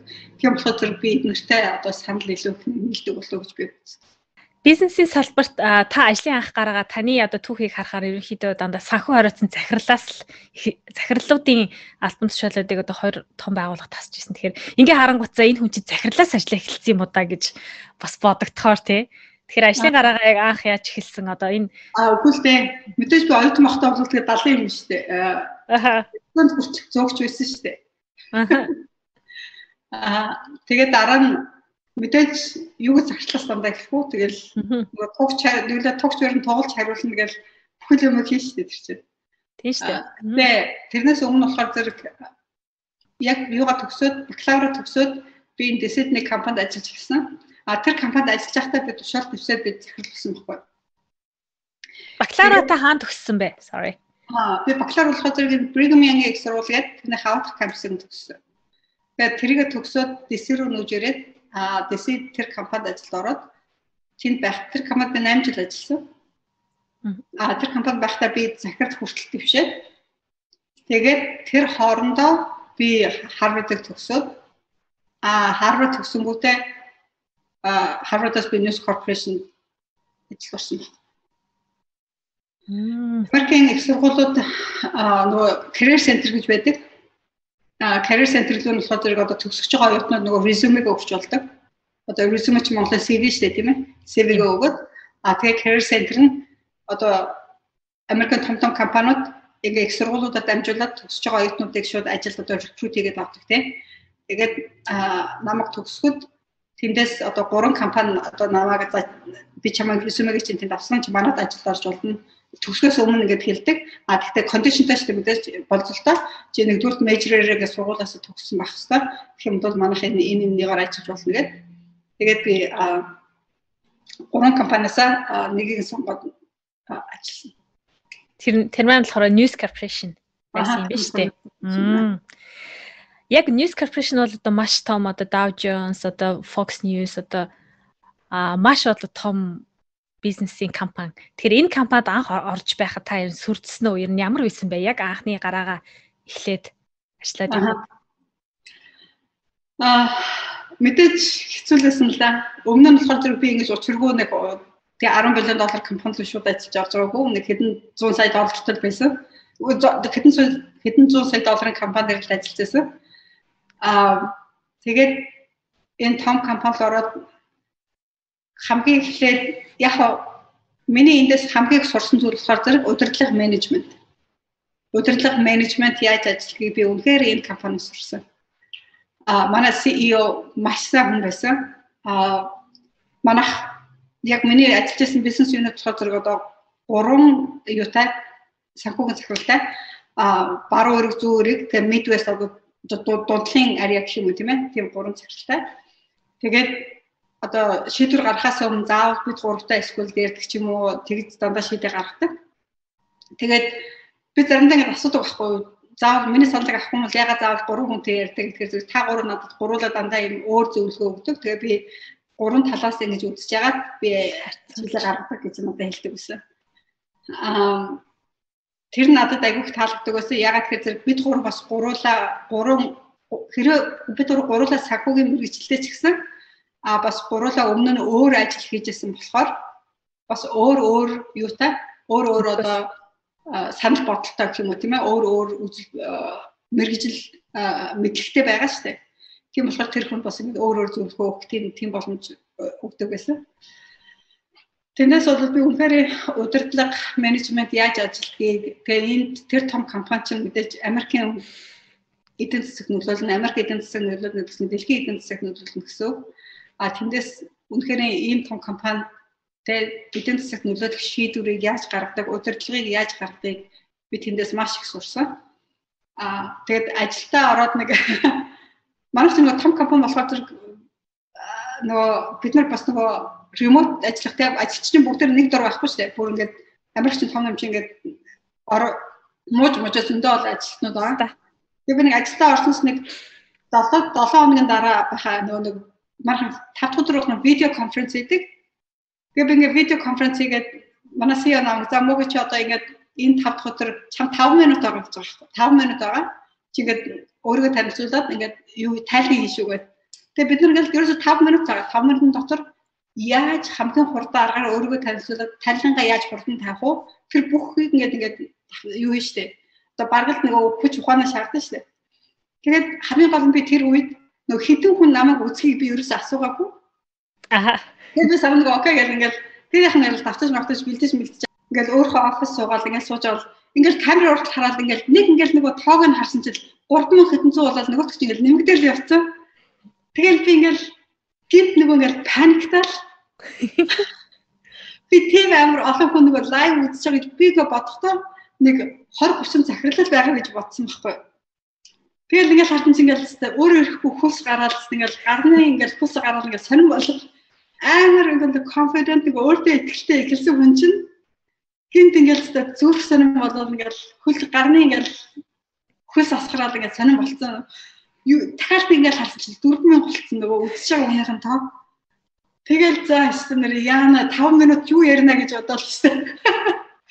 Нөгөө бэлдсэн юм аа баг мартаал ингээл нөгөө праймер сайн бол гэхдээ яг ингээл 5 минут л ярьсан л да. Тэгэл ярьж дуусчаад манай нөгөө ассистент яг ингээл манай үүдэнд байдаг гэсэн. Тэгэл гялс ингээл ярьж дуусчаад камера ингээд нөгөө унтраачаад нөгөө ассистент ороод ямар болсон гэл гэсэн юм манай ассистент оо окей зүгээр үсэн. Тэгэл гэсэн чи би чи худлаа яриад чи надад яг үнэн хэлгээ гэсэн чи нөгөө нөө зүгээрээс. Тэгэл тэг би яхаа дараа нэг CEO-д хэлсэн л дээ би ингээд ингээд яасан чи яа намайг ингээд бүх адилчид байдаг гэж хэлээгүй ингээд гэсэн чинь би ингээд хэлэхэр зэрэг чи бүр улам нэрвцдэг. Энэ бол зүгээр exercise дараа чи бүр чи ингээд in person те чи жинхнэрээ 100000 хүний өмнө гараад ирвэл чи яах юм гэж тэгж байгаа аахгүй. Тэгэл яг дараа нь би нэг 2 өглөө 3 сарын дараа нөгөө ажилчдын би нөгөө 12 сард би хаяр ажилдаа ороод дараа нь 3 сард нөгөө quarterly ингээ 3 удирдлагын уулзалт болоод би нэг ажилчдын өмнө нэг уулзалт би ингээд 6 7 мянган хүний өмнө бас ингээ гараад нэг удаа нэг ярьсан. А тэгэхээр in person биш лээ бас яг камера Тэгээ яг тэгээ сүүлдээ тэгээ сурсан. Нөгөө өдрөл болгонд яг тэр тайлан тавьдаг. Тэгээд биднэрт нөгөө нэг коуч өгсөн а юу яадаг хүн коуч зөвлөгөө өгдөг. Зөвлөгөө өгдөг одоо зөвлөгч. Зөвлөгч. Тэгээд тэр хүн болохоор зэрэг биднэрт нөгөө камер руугаа биш камерынхаа хажуу талрын цэг рүү хардаг ийм цэг тавьж өгөөд Тэгээ тэр тэр тэр жижиг жижиг юмнууд нь бас айгүйх нэмэр болсон л та. Нөгөө паник болохгүй. Яаж хүмүүсийн өмнө ингээ өөртөө ихтэй ярих ч юм уу тийм хөө зүйлсүүд. Маш сайн яаж мэдхэвтэй тийм стегоо 4000 хүн байна гэж тэр чинь аргагүй л бас паникт орохоор л юм биш үү те. Ингээл харсан тоон өсөд идэг гэдэг чинь. Харин А та анх нөгөө News Corporation-д орохдоо яг санхүүгийн захирлаар ажилд орж байсан уу эсвэл арай анх орохдоо л аа зөв зөв зөв. За ойлголаа. А та яг ажил мэргэжлийнхээ одоо бизнесийн салбар салбарт ажиллахдаа одоо ер нь танд нэг одоо хамгийн сайхан зүйл те захирал байх юм санхүүгийн захирал болоод том ажил ингээ хийхэд нэг сайхан тал нь юу байдаг вэ? Нэг одоо хүнд хүндрэлтэй тал нь юу байдаг вэ? Аа За сайхан тал гэх юм бол одоо sense of accomplishment гэдэг тий одоо ямар нэг юм гүйцэтгэхэд тэрнээсээ сэтгэл ханамж авах. Аа би одоо энийг би гүйцэтгсэн шүү, би энийг хийчихсэн шүү. Тийм ээ би одоо жишээлх юм бол news professional ажиллахад би Dow Jones миний дороо байдаг байсан. Тэгээ Dow Jones-оос бид нар ингээд зөндөө олон бүтээгдэхүүн гаргаад энэ бүтээгдэхүүн дээр би ажиллаад одоо тэр бүтээгдэхүүн ингээд Америкийн зах зээл дээр ингээд борлуулагдаад ингээд явж байгаа би тэрийг харж байна. Тэгээд би ингээд хараа за энийг чинь тийм миний гараар гараад явсан шүү. Энийг би ингээд ажилуулад ингээд ингээд хийсэн шүү гэд тэрийг хараад би эндээсээ сэтгэл хангаж авах тэр тэрэнд би нэг талдаа дуртай. За нэг хүндрэлтэй тал бол хүн удирдах ажилуулна гэдэг бол амархан биш. Ойлгомжтой. Аа тэр хүн хичнээн өндөр боловсралтай, хичнээн өндөр IQ-тай, хичнээн ухаантай байгаад а эсвэл бүр боловсралгүй IQ-д байгаад тэрэндээ гол нь биш. Ер нь хүн удирдах ажиллана гэдэг бас үнэхээр амархан ажил биш. Тэр бас тэр хамгийн хүндрэлтэй тал нь би тэ 100 100-аад ажилчтай тим баг ажлуудад авч үзлээ 5 6 хүн ажлуудад авч үзлээ өмнө нь тэ ингээ 200-аад ажилттай компаниг удирдаад аваад ажиллуулж үзлээ ингээ бүх л ингээ салбарт бүхэл багуудад донд хүн удирдах ажиллуулна гэдэг үнэхээр амархан биш одоо оо энэ өрөөний температур чинь хэтэрхий халуун байна, хэтэрхий хүүтэн байна гэдэг ингээ гомдол мэдүүлээд ороод ирнэ миний өрөөнд. Тэ? Мөгийн чинь халуун байна. Би чи бүр заримдаа үгүй ч одоо тэгээ дэлхийд алдартай их сургууль төгсөж орж ирчээд өрөөний зохицуулалтыг надтай яриад ороод ирнэ гэж одоо юу гэсэн? Гэх мэтчлэн ингээ. Аа Гэхдээ яг би ингээд олон жилийн одоо ажлынхаа хоронд юунаас бодлого туршлагаас яг хүмүүстэй ажиллаж сурсан. Яг тэр хүн болгоно өөр өөр байдгийг тэг хүнийх нь одоо зан чанар юмд нь Гэхдээ яг статистикийн дагуу яг нь 15% бол гэхдээ тэргүй би одоо яаж шимжлэж тэр хүмүүсийг бол би үнэхээр өөрийнхөө талбайг байлгаж чадахгүй байна. Тэрийг бол би ойлгосон. Тэрдээ бол би үлэрсэн. Dow Jones-ийн бүтээгдэхүүнүүдийг гаргасан гэхээр хүмүүс бас Dow Jones-ийн бүтээгдэхүүн гэхээр яг тодорч бас буухгүйж магадгүй нэг талаараа. Тэгэхээр та нэг та надад нэг э, маш нэг товчхоноор энийг нэг тайлбарлаад өгөөч. Яг ямар бүтээгдэхүүн Dow Jones гэж ямар учиртай вэ гэдэг нэг маш товчхон. Аа. Аа. Dow Jones гэдэг за манай Монголд яг үнтэй харьцуулахад жоохон хүндрэлтэй л дээ. За Dow Jones гэж Америкт юу хэлдэг вэ гэхээр зэрэг аа Америкийн зах зээлийн одоо сайн муу явж байгааг юугаар анзаарч хардаг вэ гэхээр зэрэг stock exchange юу гэдэг лээ? Хувьцаа, хувьцаагаар. Үн цасны хувьцаа тийм. Үн цасны хувьцаа тийм. Үн цасны хувьцааны үнэлгээгээр Америкийн зах зээл сайн муу явж байгааг хардаг тийм үү? Гэтэл одоо 30 компани Америкийн одоо хамгийн шилдэг 30 компаниг а нэг бүтээгдэхүүн 30 компани давж авч ордог байхгүй? За. Тэрний одоо database манай компани доор үйл ажиллагааг нь явуулж байдаг. Одоо database гэхээр чи үн цаасныхаа бүхэл одоо мэдээ мэдээллийг нь манай хадгалдаг байхгүй.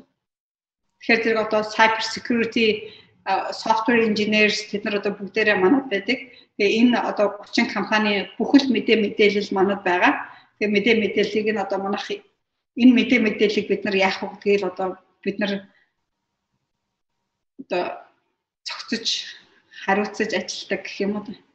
За одоо дүн шинжилгээ хийгээ мэдээллүүд төр. За энэ энэ энэ зах зээл дээр одоо тухайлбал ийм сегмент хэрэгтэй байна гэдэг дээр зохицуулт хийдэг. Шүүд а маш олон залуучууд ингээ гадаадд сурахыг хүсэж байгаа. Тэгэхээр та маш энгийнээр одоо гадаадд сурахаар зорж байгаа залуучуудад маань маш энгийнээр зөвлөгөө өгөөч. Яг юунаас эхлэвэл зүгээр вэ гэдэг дээр өөрийнхөө туршлага дээр үнэлээ маш энгийнээр. Монголоос гараад үнэхээр явж юмнууд сайжрах хэрэгтэй. Өнөөдөр би гадагшаа гараад Монголын одоо өөр нийгэм ямар байдаг, өөр улс ямар байдгийг үзээд Монголдо буцаж очиод ингэж байгаа залуучууд Монголд байсан залуучууд хоёрын ялгааг би бүр тэнгэр гадар шиг харж байна. За хамгийн нэгдүгээр гар яв юм үз юм сур.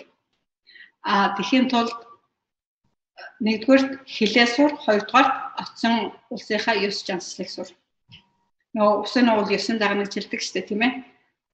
Манай Монголаа би заримдаа боддог манай Монголын ингээд өвдөд ухаантай хүмүүс байж тий. Тэр үг зүгээр хэлэх байхгүй. Яа усын уул 9 дагаж очоод тэг амьдарч байгаа орныхоо ёс заншлыг дагах хэрэгтэй штэ тийм ээ. Нэг дагаж хүнддэг. Амьдарч байгаа орныхоо муулаад ингээд онцгүй штэ. Манай Монголд нэг хүмүүс очичоод тий хэцүүд Монгол руу орчоод Монголыг муулах суугаад байвал яах вэ? бид нар хэр дуртай ах вэ? За ойлголоо. Усын уул ясын дагаа гэж залуучууд маань Та нэг хэллээ шүү дээ гадаад байгаа залуучууд Монголд амьдарч байгаа. Яг Монголдо аз жаргалтай сайхан амьдарч байгаа хүмүүс зөндөө байгаа. Өөртөө сэтгэл хангалуун. За бид нар бид хоёр тэр хүмүүсийг бол үгүйсгээгүй. А гэхдээ яг шин шин залуу үеийнхэн та гадагшаа яваа. Гадаадд байгаа болоо Монголд байгаа залуучуудын ялгааг би харлаа гэж та онцлоо тий. Тэгэхээр за маш ингээнээр та ямар ялгаа тухайлбал ингээд хувь хүний өөрийн одоо хандлага энэ энэ дээр ямар ялгаа харагдчих байна? Жишээлх юм бол манай Монгол байгаа хүмүүсийн хэлж байгаа нэг зүйл нь болохоор зэрэг дандаа ингэж хэлдэг байхгүй юу? Бид нар болоо дээр бүтээ дээр манай Монгол хөгжиж чинь гэж хэлдэг. Манай Монгол хөгжиж байгаа юу? Yes хөгжиж байгаа. Би тэрнтэй санал нэг байна. Гэтэл хардаа манай жишээлх юм бол зүгээр машины хурдаар үүсгэдэг шүү дээ, тийм манай Монголын хурдыг машинаар хэмжих юм бол за бид нар нэг цагт 10 км-ийн хурдтай хөгжиж байхад бусад орнууд цагт 50 км 100 км-ийн хурдтай хөгжиж байна. Харьцуулалт. Харьцуулалт. Тэгэхээр манай Монголд байгаа хүмүүс нөгөө 10 км-тай тасцсан. Оо болж байна оо мөгийн хардаа цэстэн дээр хачин том том байшингуй баригдсан байж байна гэж сууж байгаа. Нөө цаан чин бусад орнууд орнуудыг хар тий бүр хэдд хэд дахин хурдан хөгжиж байна. Тэгэхээр манай Монгол тэр боломж байна. Энэ юу ч тэгэхээр зэрэг Монголоос гарч үзэх хэрэгтэй. Хятад байгаа компаниуд тухайлбал маш олон одоо бүтээгдэхүүн гаргаад байгаа шүү дээ. TikTok ч юм уу, WeChat. Тэгээд энэ эднэрийг одоо тухайлбал одоо Google том компаниудад зарах хэмжээний одоо ийм технологийн ийм ололтууд те өөрчлөлтүүдийг одоо хүний тархинаас одоо өөр өөр гаргаж ирж байгаа ирж байгаа аахгүй шин шийдлүүд. Тэгэхээр бид бас Монгол залуучууд маань бас монголчуудад маань бас яг ийм боломжууд бас илүү байгаа гэж бодож байгаа юу да байгаа гэж харж байна уу? Би бол уул нь баймар л байгаа гэж би бодоод байгаа. Гэтэл яагаад гарч ирэхгүй байгааг би ойлгохгүй. Өрсөлдөх бүтээгдэхүүнүүд тий. Яагаад одоо болсон Монголоос гарч ирэхгүй байгааг би ерөөсөй ойлгохгүй. За ойлголоо. За хамгийн дараагийн нэг асуулт маань хоёлаа уугна чатынхаа дараагийн хэсэг рүү шилжихээс өмнө нэг асуулт байна. За Chef Mongolia гэдэг одоо гадаадад бол Монголд амьдарч байгаа одоо тий их орноо өөрчлөх бодолтой зорилготой одоо залуучуудад шинэ одоо бодит өөрчлөлийг эерэг хандлагыг авчирах гэсэн залуучуудыг нэгтгсэн группийг та байгуулад одоо вебсайт төрийн бас байгуул болон өргөжүүлэхээр зорж байгааг одоо таны одоо сошиалс би харсан байгаа. Тэгэхээр энэ тал дээр та надад нэг яг ямар учиртай юм бэ гэдээ товчхон тайлбарлаад хэлээд тайлбарлаач. Шеф Монголиа бол ер нь маш амархан. Шеф Монголигийн мишн бол ерөөсөө хүнлэг эндэрэнгүү а шудраг нийгмийг байгуулах түүнд ямар нэгэн нөлөө үзүүлж өөрчлөлтийг өнөөдрийн Монгол нийгэмд бий болгох. Тийм л зорилготой. Би дахиад хэлчихье те хүнлэг эндэрэнгүү шудраг нийгэм байгуулах. За ойлголоо. Маш энгийн. Амьдралд олон зүйл их тохиолдсон те хүнд ингэ шантрах үе гарна, бууж өгөх үе гарна. Аа тэгэхээр яг ингээд та ингээд өөртөө ингээд тухайлбал ингээд бууж өгмөр ч юм уу эсвэл ингээд залхмаар одоо бууж өгмөр болсон үедээ та яаж одоо өөрөө өөрийгөө сэргээж мотивашн авдаг вэ? Аа. Оо мэдээж бууж өгөх зөндөө гаралгүй яах вэ? Тэр бол ойлгомжтой шүү дээ. Гэхдээ хардаа хүн яг эцээ эц би ингэж боддог аахгүй. Хүн яг өөрийнхөө төлөө биш, хүн хайртай хүмүүсийнхээ төлөө амьдардаг юм л. Би ингээд бууж үедээ юу гэж боддог вэ гэхээр зэрэг за одоо тэг гэрээхэндээ юу гэж хэлэх вэ? Нөгөө хойноо байгаа хүмүүстэй юу гэж хэлэх вэ? Тэгэхээр зэрэг тэднүүстэй юм одоо тэд нар надад ингээд disappointed тэд нар ингээд надад итгэх итгэлээ алдахаар зэрэг би тэднэрт юу гэж хэлэх үү гэдэг гэж бодохоор зэрэг л надад бууж өгөх хэрэг байхгүй юм шиг санагдаж байгаа. Тэрээс биш би ганцаар байсан бол аль уучаа за ярсэг хэрсгэл хаяад ингээд явах юм бол бүр аль уучаа байх байж. Тэгэхээр зэрэг хүн яг нөгөө хайртай хүмүүсийнхээ төлөө амьдардаг гэдэг чинь яг үнэ. Тэгэхээр зэрэг тэд нартай л хэлэх юмтай тэд нартай л тэд нар надад надаас нэг өдөр бахаасаа гэж бод боддог болохоор зэрэг л яг тэднийхээ төлөө бол хүн үнэхээр бууж өгдөг юм л. Та чи айлын 9 хүүхэдтэй айлын хэддэх хүүхэд нь вэ? Тэгэхээр бас 9 хүүхэдтэй айлын 6 дахь нь. Одоо 9 хүүхэд гэдэг бол яг одоо үед бол бас нэлээ тухайн үед одоо үед их сонсогдож магадгүй. Тэгэхээр 9 9 хүүхэдтэй одоо гэр бүл төсөхөр ер нь одоо сонир одоо сонирхолтой зүйл тохиолдох байна. За ямар сонирхолтой зүйл тохиолдох вэ жишээ. Үгүй одоо хөгжилтэй юм тохиолдно бас Тэгэл нэг талаараа бас нэг нэгээ одоо хар илүү бас хүнийг арай боддог те олон ах дүүтэй байгаа хүмүүс бас тэр тал руугаа ягаад гэхээр одоо дүүгээ чинь дүүгээ бодох хэрэгтэй ч гэдэг юм уу. Өсөн хөвгтэй айлах юм бол баг юу одоо яаж өсгөн гэж бодож байгаа юм чи. Тэгэл манай аав чигээр бол хүрхэ амт тэгэл өсөн хөвгтэй чинь өсөх гэж юу тэгэл амрах тийм юм тэдний амьдрал хизээч байгаагүй тийм одоо ч тэр аялал жуулчлал гадагшаа дотгошоо явах юу ясна чи гадагшаа явах баг 7 хоногийн 6 өдөр ноцлог байсан дээр үед тий ямар санаа л хагасаа өдөр биш нэрэлтүүд хагасаа өдөр хагас ажиллаад ирдэг хүмүүс байсан шүү дээ тэр үед чинь. Тэгэл ганцхан бүтэнсээ өдөр амардаг. Тэгээд тэгэж байж 9 хүүхдээ өсгсөн хоёр хүн. Тэгээ яг 9 хүүхдээ дээр үед нэг л олон юм шиг санагддаг байсан. Тэгэл одоо бол тэгэл бүгдээрээ том болцохоос нэг нэгэндээ ингэж дэмждэг болцохоос тий баг өсч одоо баг хэд болцохоос юм бэ? Бүгдээрээ бол 3 3 хүүхдүүд хүүхдүүд нэтрэгээд баг баг 100 муу болцохоос хэдэн зууч болцсон битгүү 100 гартан юм Өнөр гэр гэр бүлтэй байхын гоё давуу тал гоё одоо өнөр гэр гэр гэр бүлтэй болохын гоё тал нь юу вэ нэр нь? Миний бодлоор бол би ганцхан хүүтэй. Тэгээ хүмүүс болохоор зэрэг дандаа жоохон бахта дандаа ингээл дүү нэгдэг байсан. Ээж ингээд би өстө нэг дүүтэй болмоор байна гэл тэгэл одоо яхаа өнөр гэр бүлтэй болохоор зэрэг хүүхдэд маань ингээд а одоо гэдэг манай нийстэй ач хүчнэр ингээд хүүхдүүд маань айгүй хантай. Тэгээ ганцаараа ч ихсэн ингээл нөгөө бусад ах トゥ нартайгаа айгу ойрхон өссөн ч юм уу. Тэр тал нь айгуух даваа талтай л гэж боддог ш. Тэгээд бид нас ингээл нэг нэгэндээ туслана. Би тэгэл гурван дүүгээ одоо болтол тэгэл аа миний удаад бол амар их том үүрэг шүү дээ. Тэднүүсээ асар хамгаална гэдэг чинь Зөв зөв. А 9 одоо хүүхдтэй гэр бүлтэй жоохон байх үед бас хөвгчлөлтөө зүйлээс тохиолдож байсан байж магадгүй те. Ягаад тэгэхээр тэгээ эндээсээ та нэг хөвгчлөлтөд түүх байвал хуваалцаач. Аа мэдээж за 9 хүүхд чинь жоохон махтууд л өвчнөө юм болно шүү дээ. Тэгэл зодтолтож нүдгээс эхлэв. Чи одоо багтаа чи ёо бараг л би бүр боддгоос яаж манай авч хоёр одоо баг дайн зарлцгаагүй тэгээ байгаад ороод идэг байсан юм мэдгүй одоо ерөөсөө. Тэгээд гэхдээ яг мань хүчлөө гэхээсээ илүү намайг жоохон бахт ээж маань айгүй хөндөр өгдөг. Манайх ч нэг захны айлахгүй юу. Тэр намайг нэгдүгээр ангид хахад биш хоёр гуравдугаар ангид хахад ээж маань өвдөд тэгээд дархан руу манайхан үж ирсэн. Манай ээжийн хамаатууд нь бүгдээр дархан байсан.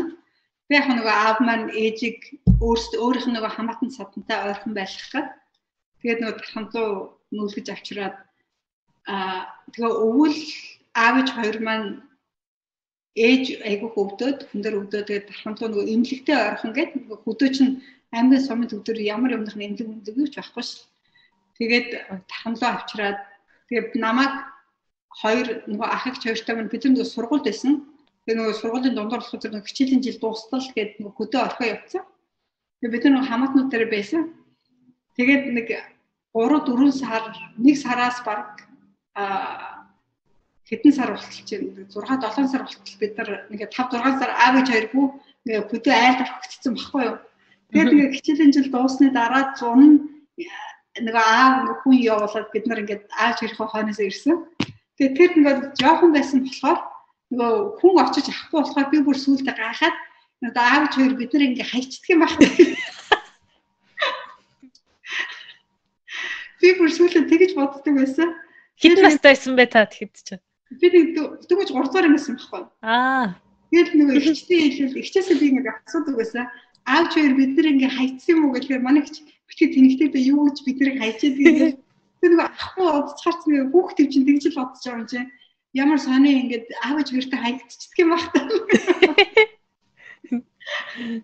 Тэгс тэгж байгаа л арай хийж нөгөө ингээд аавч хоёр маань хүн явуулаад бид нарыг авахуулаад тэгээд ингээд нэг бараг л 10 тонол захнаас чинь дээр үед нөгөө нэг зам ам айгүй амир тэгээд ингээд явсаар байгаад Улаанбаатар руу ирэл Улаанбаатараас дархан руу очиод ингээд арай гэж ингээд гэртээ харсан байхгүй юу. Тэгээд би тэр өдрийг айгуусаа сандаг тэгэл ингээд арай гэж гэртээ хараад ингээд авцсан чинь хөөрхөн авто манай бүр ингээд бид нар л хүүж ирэл ингээд тэрж авчихсан. Нөгөө 5 6 сар болсон. Тэгээд тэгсэн мөртөө бүр 3 хүүхдээ амар санцсан. Тэгээ би бас тэр үед айгуух баярлжсэн нөгөө нэг аав ааж бүртээ хайгдсан гэж бодсон. Би яг тэр одоо болт айгуусан санд гэлээ тэгээ өхөр явд ааж юм хаяагүй тэгэл. Гурав хүүхдээ тэр чи аваад аав маань айгуу уйлжсэн тэгээд гой турсамж байна. Яг Америкт ингээд 20 жил гэдэг бол хүний яг залуу нас амьдралын одоо бас нэг хугацаа урт хугацаа шүү дээ тий урт хугацаа. Тэгэхээр энэ хугацаанд та одоо ингээд удирдах ажил хийгээд ажиллаад хэл соёлд нь суралцаад яг Америкийн одоо Америкт амьдраад байх хугацаанда тий ямар зүйлийг яг өөртөө нааж авч чадсан бэ? Яг одоо хэл соёл одоо бүх зүйлээс нь. За яг өөртөө нааж авч чадсан зүйл гэх юм бол мэдээж нэг зүйл гэх юм бол бас хэцүү л ахал да мэдээж Тийм. Зүйл би энэ амьд мэдээ зөндөө их зүйл сурсан. Аа. За Америкуудаас өдөр тутам хийгдэг нэг зүйл би ажил дээрч бай, за гэртч бай, хаанчаас нэг зүйл болохоор тэр хариуцлага гэдэг зүйлүүд. Одоо чи ч гэсэн одоо ингээл харж л байгаа х тийм ээ. Зургатаар гарсан ч ихэлгсэн, хаан ч хэл байсан гэсэн, ажил дээр байсан ч ихэлгсэн. Америкууд байнга одоо ярьдаг нэг зүйл болохоор одоо хариуцлага байж одоо ялангуяа би одоо ажилтаар бол ингээл байна. Гэхдээ эдгээр бас хариуцлага хэн яаж хариуцлага тооцох вэ? Тэгээ тийм болохоор хариуцлага гэдэг маш өндөр учраас хүн болгон өөр өөрсдийнхөө хувийг маш сайн хийхийг хичээд их эцгийн хариуцлага гэдэг маш өндөр. Тийм ээ? Тийм болохоор Америкт ээж аав болохосоо үхтлээ айдаг. Тэр нь болохоор ээж аав болох хүсэлгүүдээ биш тийм ээ. Ээж аав нь хариуцлага ямар өндөр вэ гэдгийг гэдгийг мэддэг учраас ээж аав болохоос өмнө өөр өөрсдөө маш сайн бэлддэг. Тийм болохоор манайхан тэрийг эсрэгээр нь ойлгодог тийм энэ зөв хүүхдээ болох хүсэлгүүд тэнийг юм уу хайсаж яах тийм юм тийм ойлгосноо. Бид нар чинь их эцгийн хариуцлага ямар өндөр гэдгийг мэддэг болохоор эхлээд өөр өөрсдөө бэлдчихээс дараа нь их эцэг болохыг боддог. Удирдлагын хариуцлага гэж байж байна тийм үү? Жишээлх юм бол а би нэг 2 сарын өмнө Elon Musk-ын тухай Netflix-ээр кино байсан. Тэрийг үзчихсэн. Elon Musk-ыг та одоо хүнтэй дээдлж байгааг гэж асуусан мах уу одоо найз охинтой юу вэ? Тэгсэн чинь Elon Musk надтай хин найз охин болох вэ гэд тогтоом хэлж байгаа байхгүй? Би ерөөсөө хүнтэй дээдлэхдээ одоо болсон гарах цаг гэхгүй байна. Би амар их ажиллаж байна би амьдралдаа хоёрхан удаа юунд гарсан амралтаа авсан гэнэ. Эхлээд нэг удаа амралтаа авсан чинь манай board of members-ийн төлөөлөл зөвлөл намайг миний юунаас CEO position-аас мань ажлаас халахыг оролцсон гэж байгаа байхгүй юу. Тэгэхээр тэр Америкт үүрэг хариуцлага гэдэг тийм өндөр. А хоёр дахь удаа энд чинь CEO-г нь хүртэл өөрийнх нь компаниас нь ажлаас нь халчдаг. Хэрвээ хариуцлага олох юм бол хүмүүс тэгээ хүмүүс бол зэрэг чинь Elon Musk өөрийнх нь компани эн чинь хин ч нэг ажлаас нь халахгүй гэж боддог нөө. Чинь төлөөдөө үйлдвэрлэх зөвлөл CEO-г нь өөрийнх нь компаниас нь ажлаас нь халах хэрэгтэй. Хоёр дахь удаага яасан гэсэн чинь SEC нөгөө юуны үн цасны хороо 20 сая долларт хүргэсэн гэж байгаа байхгүй. Хоёр дахь удаага амралтаа авсан чинь. Яагаад нөгөө нэг юунуудыг Twitter дээр нэг юм бичсэн шүү дээ. Elon Musk чинь яа би бид нар удахгүй public компани болохоо байлна байлна ч нэг тийм юм бичсэн. Тэрнээс нь болоод үн цасны хороо 20 сая долларт харсан. Тэгээд би одоо дахиж амралтаа амралт авах болсон гэж байгаа хөвгтлийн ажил нэгэ бичсэн. Дэйт хийхэж болсон аа. Тэгээд дэйт хийхэж болсон гэдэг. Тэгэхээр чинь хариуцлага гэдэг энд тийм тийм өндөр хариуцлагатай. Тэгээд хүмүүс болохоор бид нар яг тэгж бодсон шүү одоо тэр сайтын хүнд одоо хин ч халдахгүй гэж бодно тийм биш. Яг нэг бүр ингээд системээр нэг нэгэ бүр юм компани засаглал системийн маш их хяналттай тий хаа хаана нэг нэгээ маш сайн хэн чадж байгаа чадаж байгаа. За энэ энийг тухайлбал яг Монголд үнэхээр хэрэгжүүлж Монголд ийм хяналт үүсч чадах юм бол бас нэг хөгжлийн наад захын нэг эхлэл байж болох болов тий. Аа. Одоо Нью-Йоркийн мэйр байсан хин блэ? wine winer ч үү winer штэ нэр нь Нью-Йоркийн мэйр байсан нэг sexual harassment бэлгийн sexual harassment-ийг монголоор хэлүүлээ. Бэлгийн дарамт бэлгийн дарамтанд орсон ажлаасаа халагдчихсан. Тэгээд дугаа янз бүрийн зураг авчихгүй амтлыг явуулсан гэдэг. Тэгэхээр чи энд хариуцлага гэдгийг тооцож чадаад байгаа байхгүй юу? Яг тэр зэрэг манай Монголд одоо тэмхэх юм болсон бол яах вэ? бэлгийн дарамж өдөр тутмын юм болол одоо ийм юм болдог гэж яриад өнгөрөөл баг зарим баг тоглоом хийгээл тий өнгөрөөл тийм юм болоод байж. 60 тэрбумын нөгөө зээл зээлийг одоо бизнест олгох хэвээр зээлийг хувьдаа одоо 0.5%-аас 1% хүүтэй маш бага хүүтэйгээр авсан улсын их хурлын одоо 6 гишүүн эргээд одоо бол сонгогдсон байгаа шүү дээ зарим нь. Тэгэхээр тий жидүүчд эргээд сонгогдсон шүү дээ. Жидүүчдүүгээ бүр сайн мэддэг болсон юм уу та? За. Тий эргээд сонгогдсон. Тэгэхээр энэ яг хариуцлага бол бас яг нөгөө эсрэг эсрэгээрээ л яг Монгол хүний хувьд те яг Америкт бас нөгөө нэг эн чинь нөгөө Asian одоо гаралтай одоо Аз хүмүүсийг бас яг уу арьс өнгөөр ялгарлахгүй ч гэсэн бас нэг толгоонд нь бол одоо бас тухайлбал ингээд дандаа л шарууд ерөнхийдөө голдуу бас нэг том том ажлуудыг бас хийдэг нэг тийм дүр зураг ерөнхийдөө байдаг те. За яг бүх газар бол биш.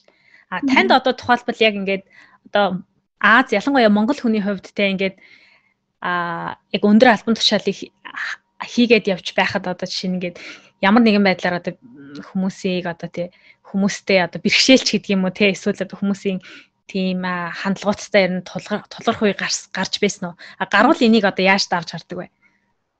Надад бол яг тийм тулгарч байгаагүй. Байгаагүй юу?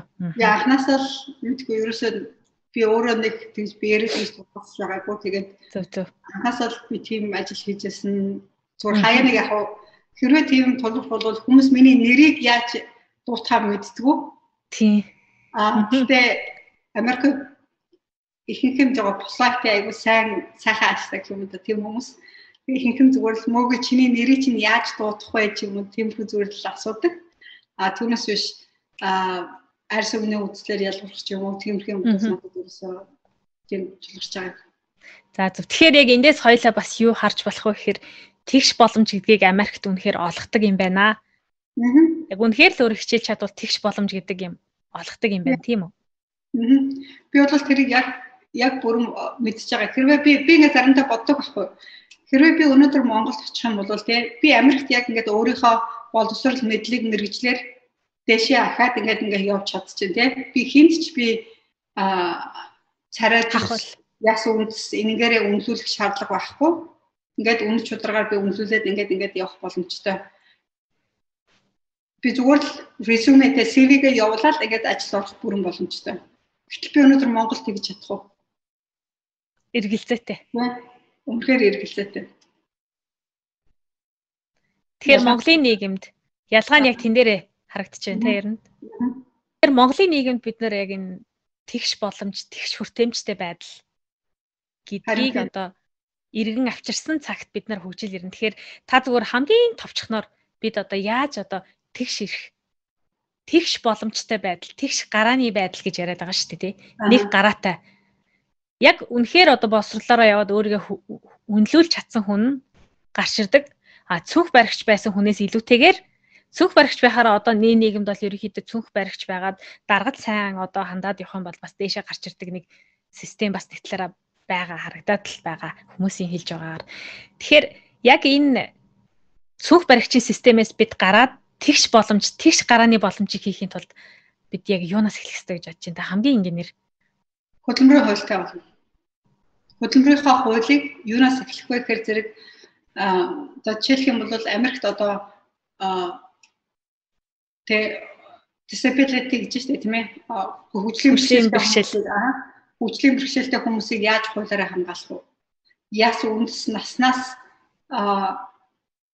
шалтгаалж ажил авсан хүмүүсийг яаж хуулаараа хамгаалах вэ? Энэ бүгдийг эхлээд хуулаараа бүх хамгаалалтаа хийх хамгаалтаараа эхлэх хуулиар эхлээд хамгаалах хэрэгтэй. Дараа нь хэрэгжүүлж эхлэх хэрэгтэй. Хууль зөрчсөн хүмүүс дээр хатуу арга хэмжээгээ авч эхлэх хэрэгтэй.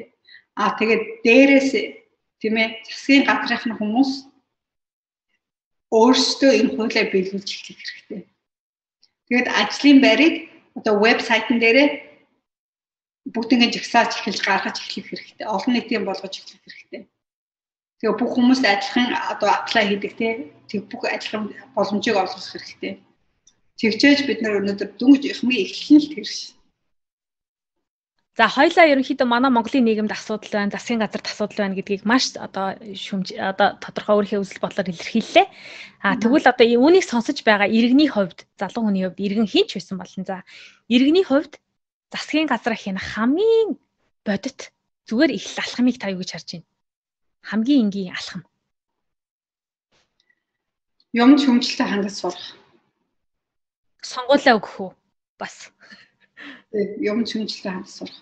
Манайхаа өнөөдөр ерөөсөө засгийн газар юу гэж хэлнэ? Яг хоншиг дагаа мэлдэг. Тиймээ хинч тэрэнд асуултанд яагаад гэдэг асуултыг асуудаг. Тийм болохоор тэр өнөөдөр эхлээд юм чөмжлөлтэй хангаж сурах. Би бол тэрийг ерөөсөө нэг номрын зүйлс гэж бодож байгаа. Ирэх нь шаардлага тавьж сурах, хариуцлага шаардах. Тэгжээж засгийн газар бодох, тэ санах, дахин бодох тэр зүйлсүүдээ эхэлнэ. Түүнээс одоо бид нар ерөөсөө эднүсийг одоо бүр одоо enablers тэ бүр өгөөс болгочлоо. Юу дуртайгаа л хийж яадаг. Тийм хүмүүс болгож байна. Шүмжлэлтэй хандах гэдэг дээр яг яг одоо бас системтэйгээр яг нөгөө хандхыг та илүү хэлж байгаа хэ. Зүгээр одоо шүүмжлэгээ Facebook дээр оронгуудаа удсын газар ингэсэн гэсэн үзэн ядч ин гэж бичих бол оролцоотой байх хэлбэр биш тийм үстэй. Тэгэхээр яг оролцоотой шүүмжлэлтэй хандхыг та яг ямар утгаар хэлж байгаа вэ? Юм шүүмжлэл арна гэдгийг манайхан муулах гэж ойлгодог. Би муулах гэж байгаа тийм утгатай үг биш шүү дээ, тийм ээ. Хамгийн гол нь одоо засгийн газрын өнөөдрийн хийж байгаа ямар нэгэн үйл ажиллагаа зөв байна уу буруу байна. Хэрвээ зөв болвол Тэ яагаад энэ энийг зөв гэж бодож байгаа буруу ах юм бол ямар гаргалгаа байгаа. А тэгэх юм бол түүнийг зассан тулд арт түмэн юу хийх ёстой. Тэн дээр нь ямар нэгэн гаргалгаа хааж хийж болохгүй тэр талаас нь хандсалж байна. За ойлголаа. Тэгэхээр нөгөө талд нь бас нэг сайн давуу тал нь одоо сүүлийн үеийн ялангуяа одоо шинэ үеийн залуучууд Z generation гэж ярьж байгаа. Нэг талаараа бас энэ хүмүүсийн хувьд бас арай нэг өөр одоо тэг сэтгэхгүй те бас а нэгэн цаг үетэйгээ интернет хөгжсөн цаг үетэйгээ нийлсэн залуучууд бас ирж айрам одоо ирж байгаа байхаа гэдэгт дотроо одоо итгэж итгэж байна уу та? Аха би аль сүүлийн залуучууд шал өөр болсон гэж бодож байгаа. Ер нь залуучууд гэлцэн бол дээдлийн үе ч гэсэн ер нь харьцангуйгаар өөрчлөгдөж байгаа. Ягаад гэхээр зэрэг одоо интернет мэдээ мэдээлэл хүмүүсийн бас бодол санааг илүү өөрчилж байна Тийм болохоор зэрэг хатсангуугаар өөр болж байна.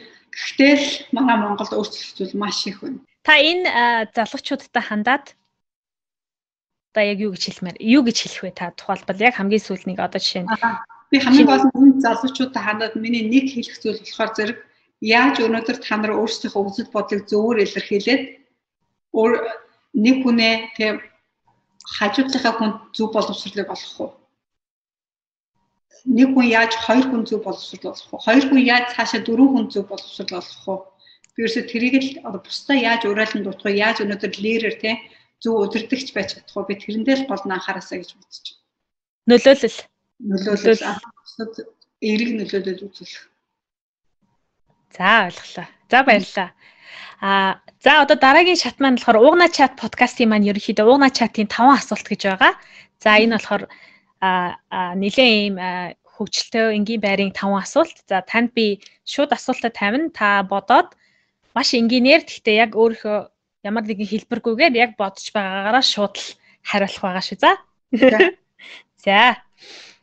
За хэрэг та өөрийнхөө 16 настай одоо мөөгээд эргэж хараад ямар зөвлөгөө өгөх вэ?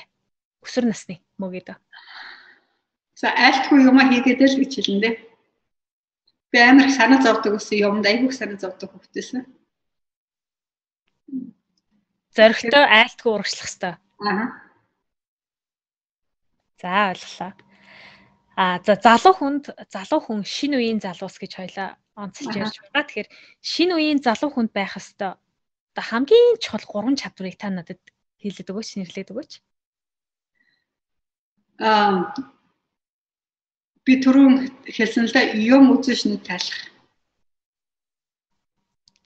Түүнээс биш Монгол яг үнэ би Монголынхаа бүх залуучуудыг гадагшаа гар гарч яв гэж хэлээгүй. Гэхдээ юм үзэж нүг тайлах гэдэг бол үнэхээр зөв. Тэгжээж өнөөдөр бид нар Монголынхаа нийгмийг өөрчилнө. Сайжруулна. За ойлголоо. А за өнгөрсөн цаг үеэрээ та буцаад та энийг яг бас уртаар хариулж болно. За сүүлийн 3 асуултыг. А өнгөрсөн одоо цаг үеэрлэг очоод нэг хүнтэй кофе уугаад одоо хуваагаад суу гэвэл та одоо ямар хүнийг сонгох вэ? Яагаад? Аа за өнгөрсөн цаг үе рүү гэх юм бол би Гандигийн тухай ном айгүй уншдаг байсан. Ингээд залуу байхдаа. Яагаад тэгэхээр зэрэг Ганди чинь одоо энтхийн эрх чөлөөг олоход нөлөөлсөн ганц хүн шүү дээ тийм 50 аргаар. Тэгээд Ганди одоо Facebook, Instagram байхгүй хахад амар followers дагалдагч болсон цорын ганц хүн. Одоо бол мөнгө төлөөд followers олдог болсон шүү дээ тийм. Гэтэл Ганди тэгээгүй. Хэрвээ би одоо нэг хүнтэй суугаад ингээд зөвлөгөө аваад ингээд гэх юм бол би дандаа гандыг боддог. Яаж тэр бүгдийг хийж чадав те? Яаж одоо гандигийн нэг ном дээр нь ингээд нэг хүн ганди дээр очиод би ингээд айгүйх гейм нэг энтгэх хүн очиод би ингээд айгүйх гейм хийжээ. Одоо яаж би энэ геймээ хайрлах вэ гэсэн чи ганди чи Пакистан хүүхэд өргөж аваад өсгөө гэж хэлжсэн. Одоо Пакистан хоёр чинь айгүйх зөрчилтэй. Зөрчилтэй байсан. Тэгээд мэдээж тэр бол миний ч гэсэн ингээд сэтгэлд орохгүй ингээд зөвлөгөөг тэр хүнд өгч байгаа. Тэгээд нөгөө хүн ч гэсэн гандиг өвгөнд ороод Пакистан хүүхэд өргөж аваад өсгөж байгаа. Яаж хүмүүсийг тэгэж өөрийнхөө өвгөнд оруулах вэ? Яаж хүн болохоор тийм тийм тийм агуу өдөртөгч болох вэ?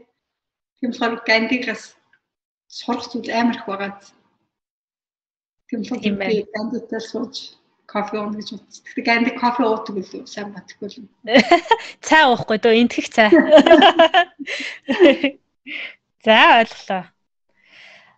А хамгийн анх та анхнаа үгүй карьераа эхлээд эхэлж байхдаа алдаа гаргаж ирсэн. Тэгээд тэр алдаанаас ичиж бүр ичингөөрч бүр ичиж байсан ямар алдаа байсан бэ? Хамгийн эхлээд надад хүмүүсийн өмнө гараад ярих амьгүй хүндрэлтэй байдаг гэсэн. Аа за эхлээд бол яг зүгээр нөгөө ажил хийгээд явхад бол нэг хэцүү байгаагүй би ч дандаа хүний дор ингээд ингээд ажиллал ингээд ингээд явдаг байсан. А дараа нь яг карьер эхлээд хүмүүсийн уртл гараад ингээд ярих гэхээр зэрэг айгүй хүндрэлтэй. Тэгээд ялангуяа ингээд удирдаад ч юм ингээд ярихад амар хэцүү байдаг гэсэн. Нөгөө хүмүүс яг ингээд хүн удирдаад эхлэхээр хүмүүс яг чиний ингээд яг үгүй чинь дагдаг юм билээ. Би тэрийг мэдэхгүй. Ингээд за ингээд юм хэлэл болоодоо гэж ингээд ботсон чинь нөгөө хүмүүс чинь баг тэгээ яах ингээд ингээд гүтэн би үгүй яаж мэдэх юм баг чи өөрөө мэдэхгүй байгаа юм бол гэж хэлчмээр санагдаад байгаа байхгүй юу. Тэгсэн чинь нөө тэр хүмүүс чинь миний юу хэлэх ингээд хүлээгээд тусдаг.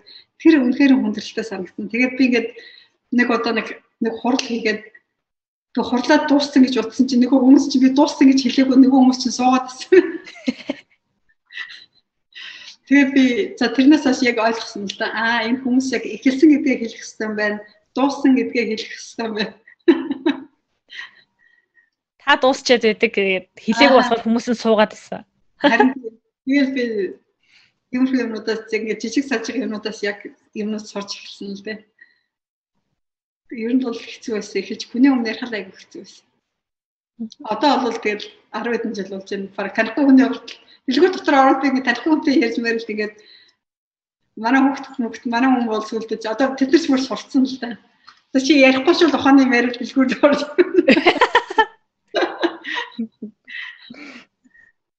За. А таны хувьд аз жаргал гэж юу вэ? За, миний хувьд аз жаргал гэдэг бол хүү яг сэтгэл хангалуун байхад аз жаргалтай юм лээ сэтгэл хангалуун ер нь ямар ч юм за тэгээд мэдээж гэр бүл гэдэг бол маш чухал.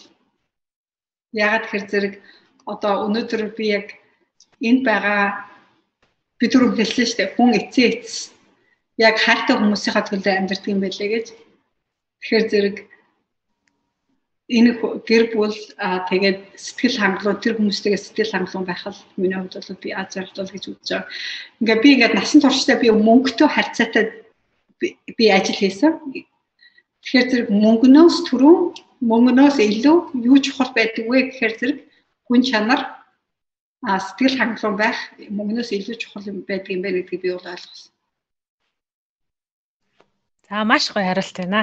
Маань угна чатын маань одоо хоёр дахь одоо подкастад цаг заваа гарган өөрийнхөө талаар мөн одоо Монгол Улсын эдийн засгийн талаар гадаадд сурах боломжууд мөн үндэсний үйлдвэрлэлүүдэд хямралын үед хэрхэн одоо хямралаас гарах вэ гэсэн энэ одоо үнэтэй зөвлөгөөгөө өгсөн танд одоо үнэхээр их баярлалаа. За тэгээд чамаг бас энэ а үдэд чата эхэлж байгаад чинь амжилт хүсье. А мэдээж бүх юмыг эхлээд ингээд явуулахад үнэхээр хүндрэлтэй. Би бол тэрийг зөндөө юм эхлүүлсэн. Би өөрөө ойлгож чинь би өөрийнхөө карьерийг эхлүүлсэн сургуулаа эхлүүлсэн. Хоёр ч оронд очиж шинээр амьдрал эхлүүлж үзлээ. Тийм ээ аа тэгээд өөрийнхөө компаниг ч гэсэн эхэлж ажиллуулж үзчихсэн. Хамгийн эхний клиент аваад авчихсан. Ямар хэцүү байсныг би хэдэн жилийн өмнө тэ өөрөө биеэрээ үзэж туулж мэдчихсэн. А тэгтээ би ингээд зоригтойгоор ингээд юмаа хийгээд ажиллаад ингээд явуулж байгаа бүх хүмүүсийг би бол 100% дэмждэг. А тэгээд дээр нь бас Монгол улсынхаа төлөө ингээд явж байгаа хүмүүс тэгээ нийгмийн ялангуяа ингээд би одоо гадаадад ирээд Монголд ч гэсэн байгаа энэ хүмүүсийг хараад манай нийгэм үнэхээр болохгүй байна. Өөрчлөх болжээ. Биднэрт өөрчлөх хэрэгтэй байна гэдгийг харж байгаа энэ хүмүүс өнөөдөр үнэхээр баярлж байна. Бид нар дуу хоолойгоо нэгтгэхгүй болохгүй байна гэдгийг ингээ хараад мэдрээд тэгээд чиний ч гэсэн ингээд өрөөдөд чи амжилт хүсье. Тэгээд ямар нэгэн туслаг дэмжлэг хэрэгтэй хам бол тэг бид нар туслахад бол бас бэлэн байгаа. За.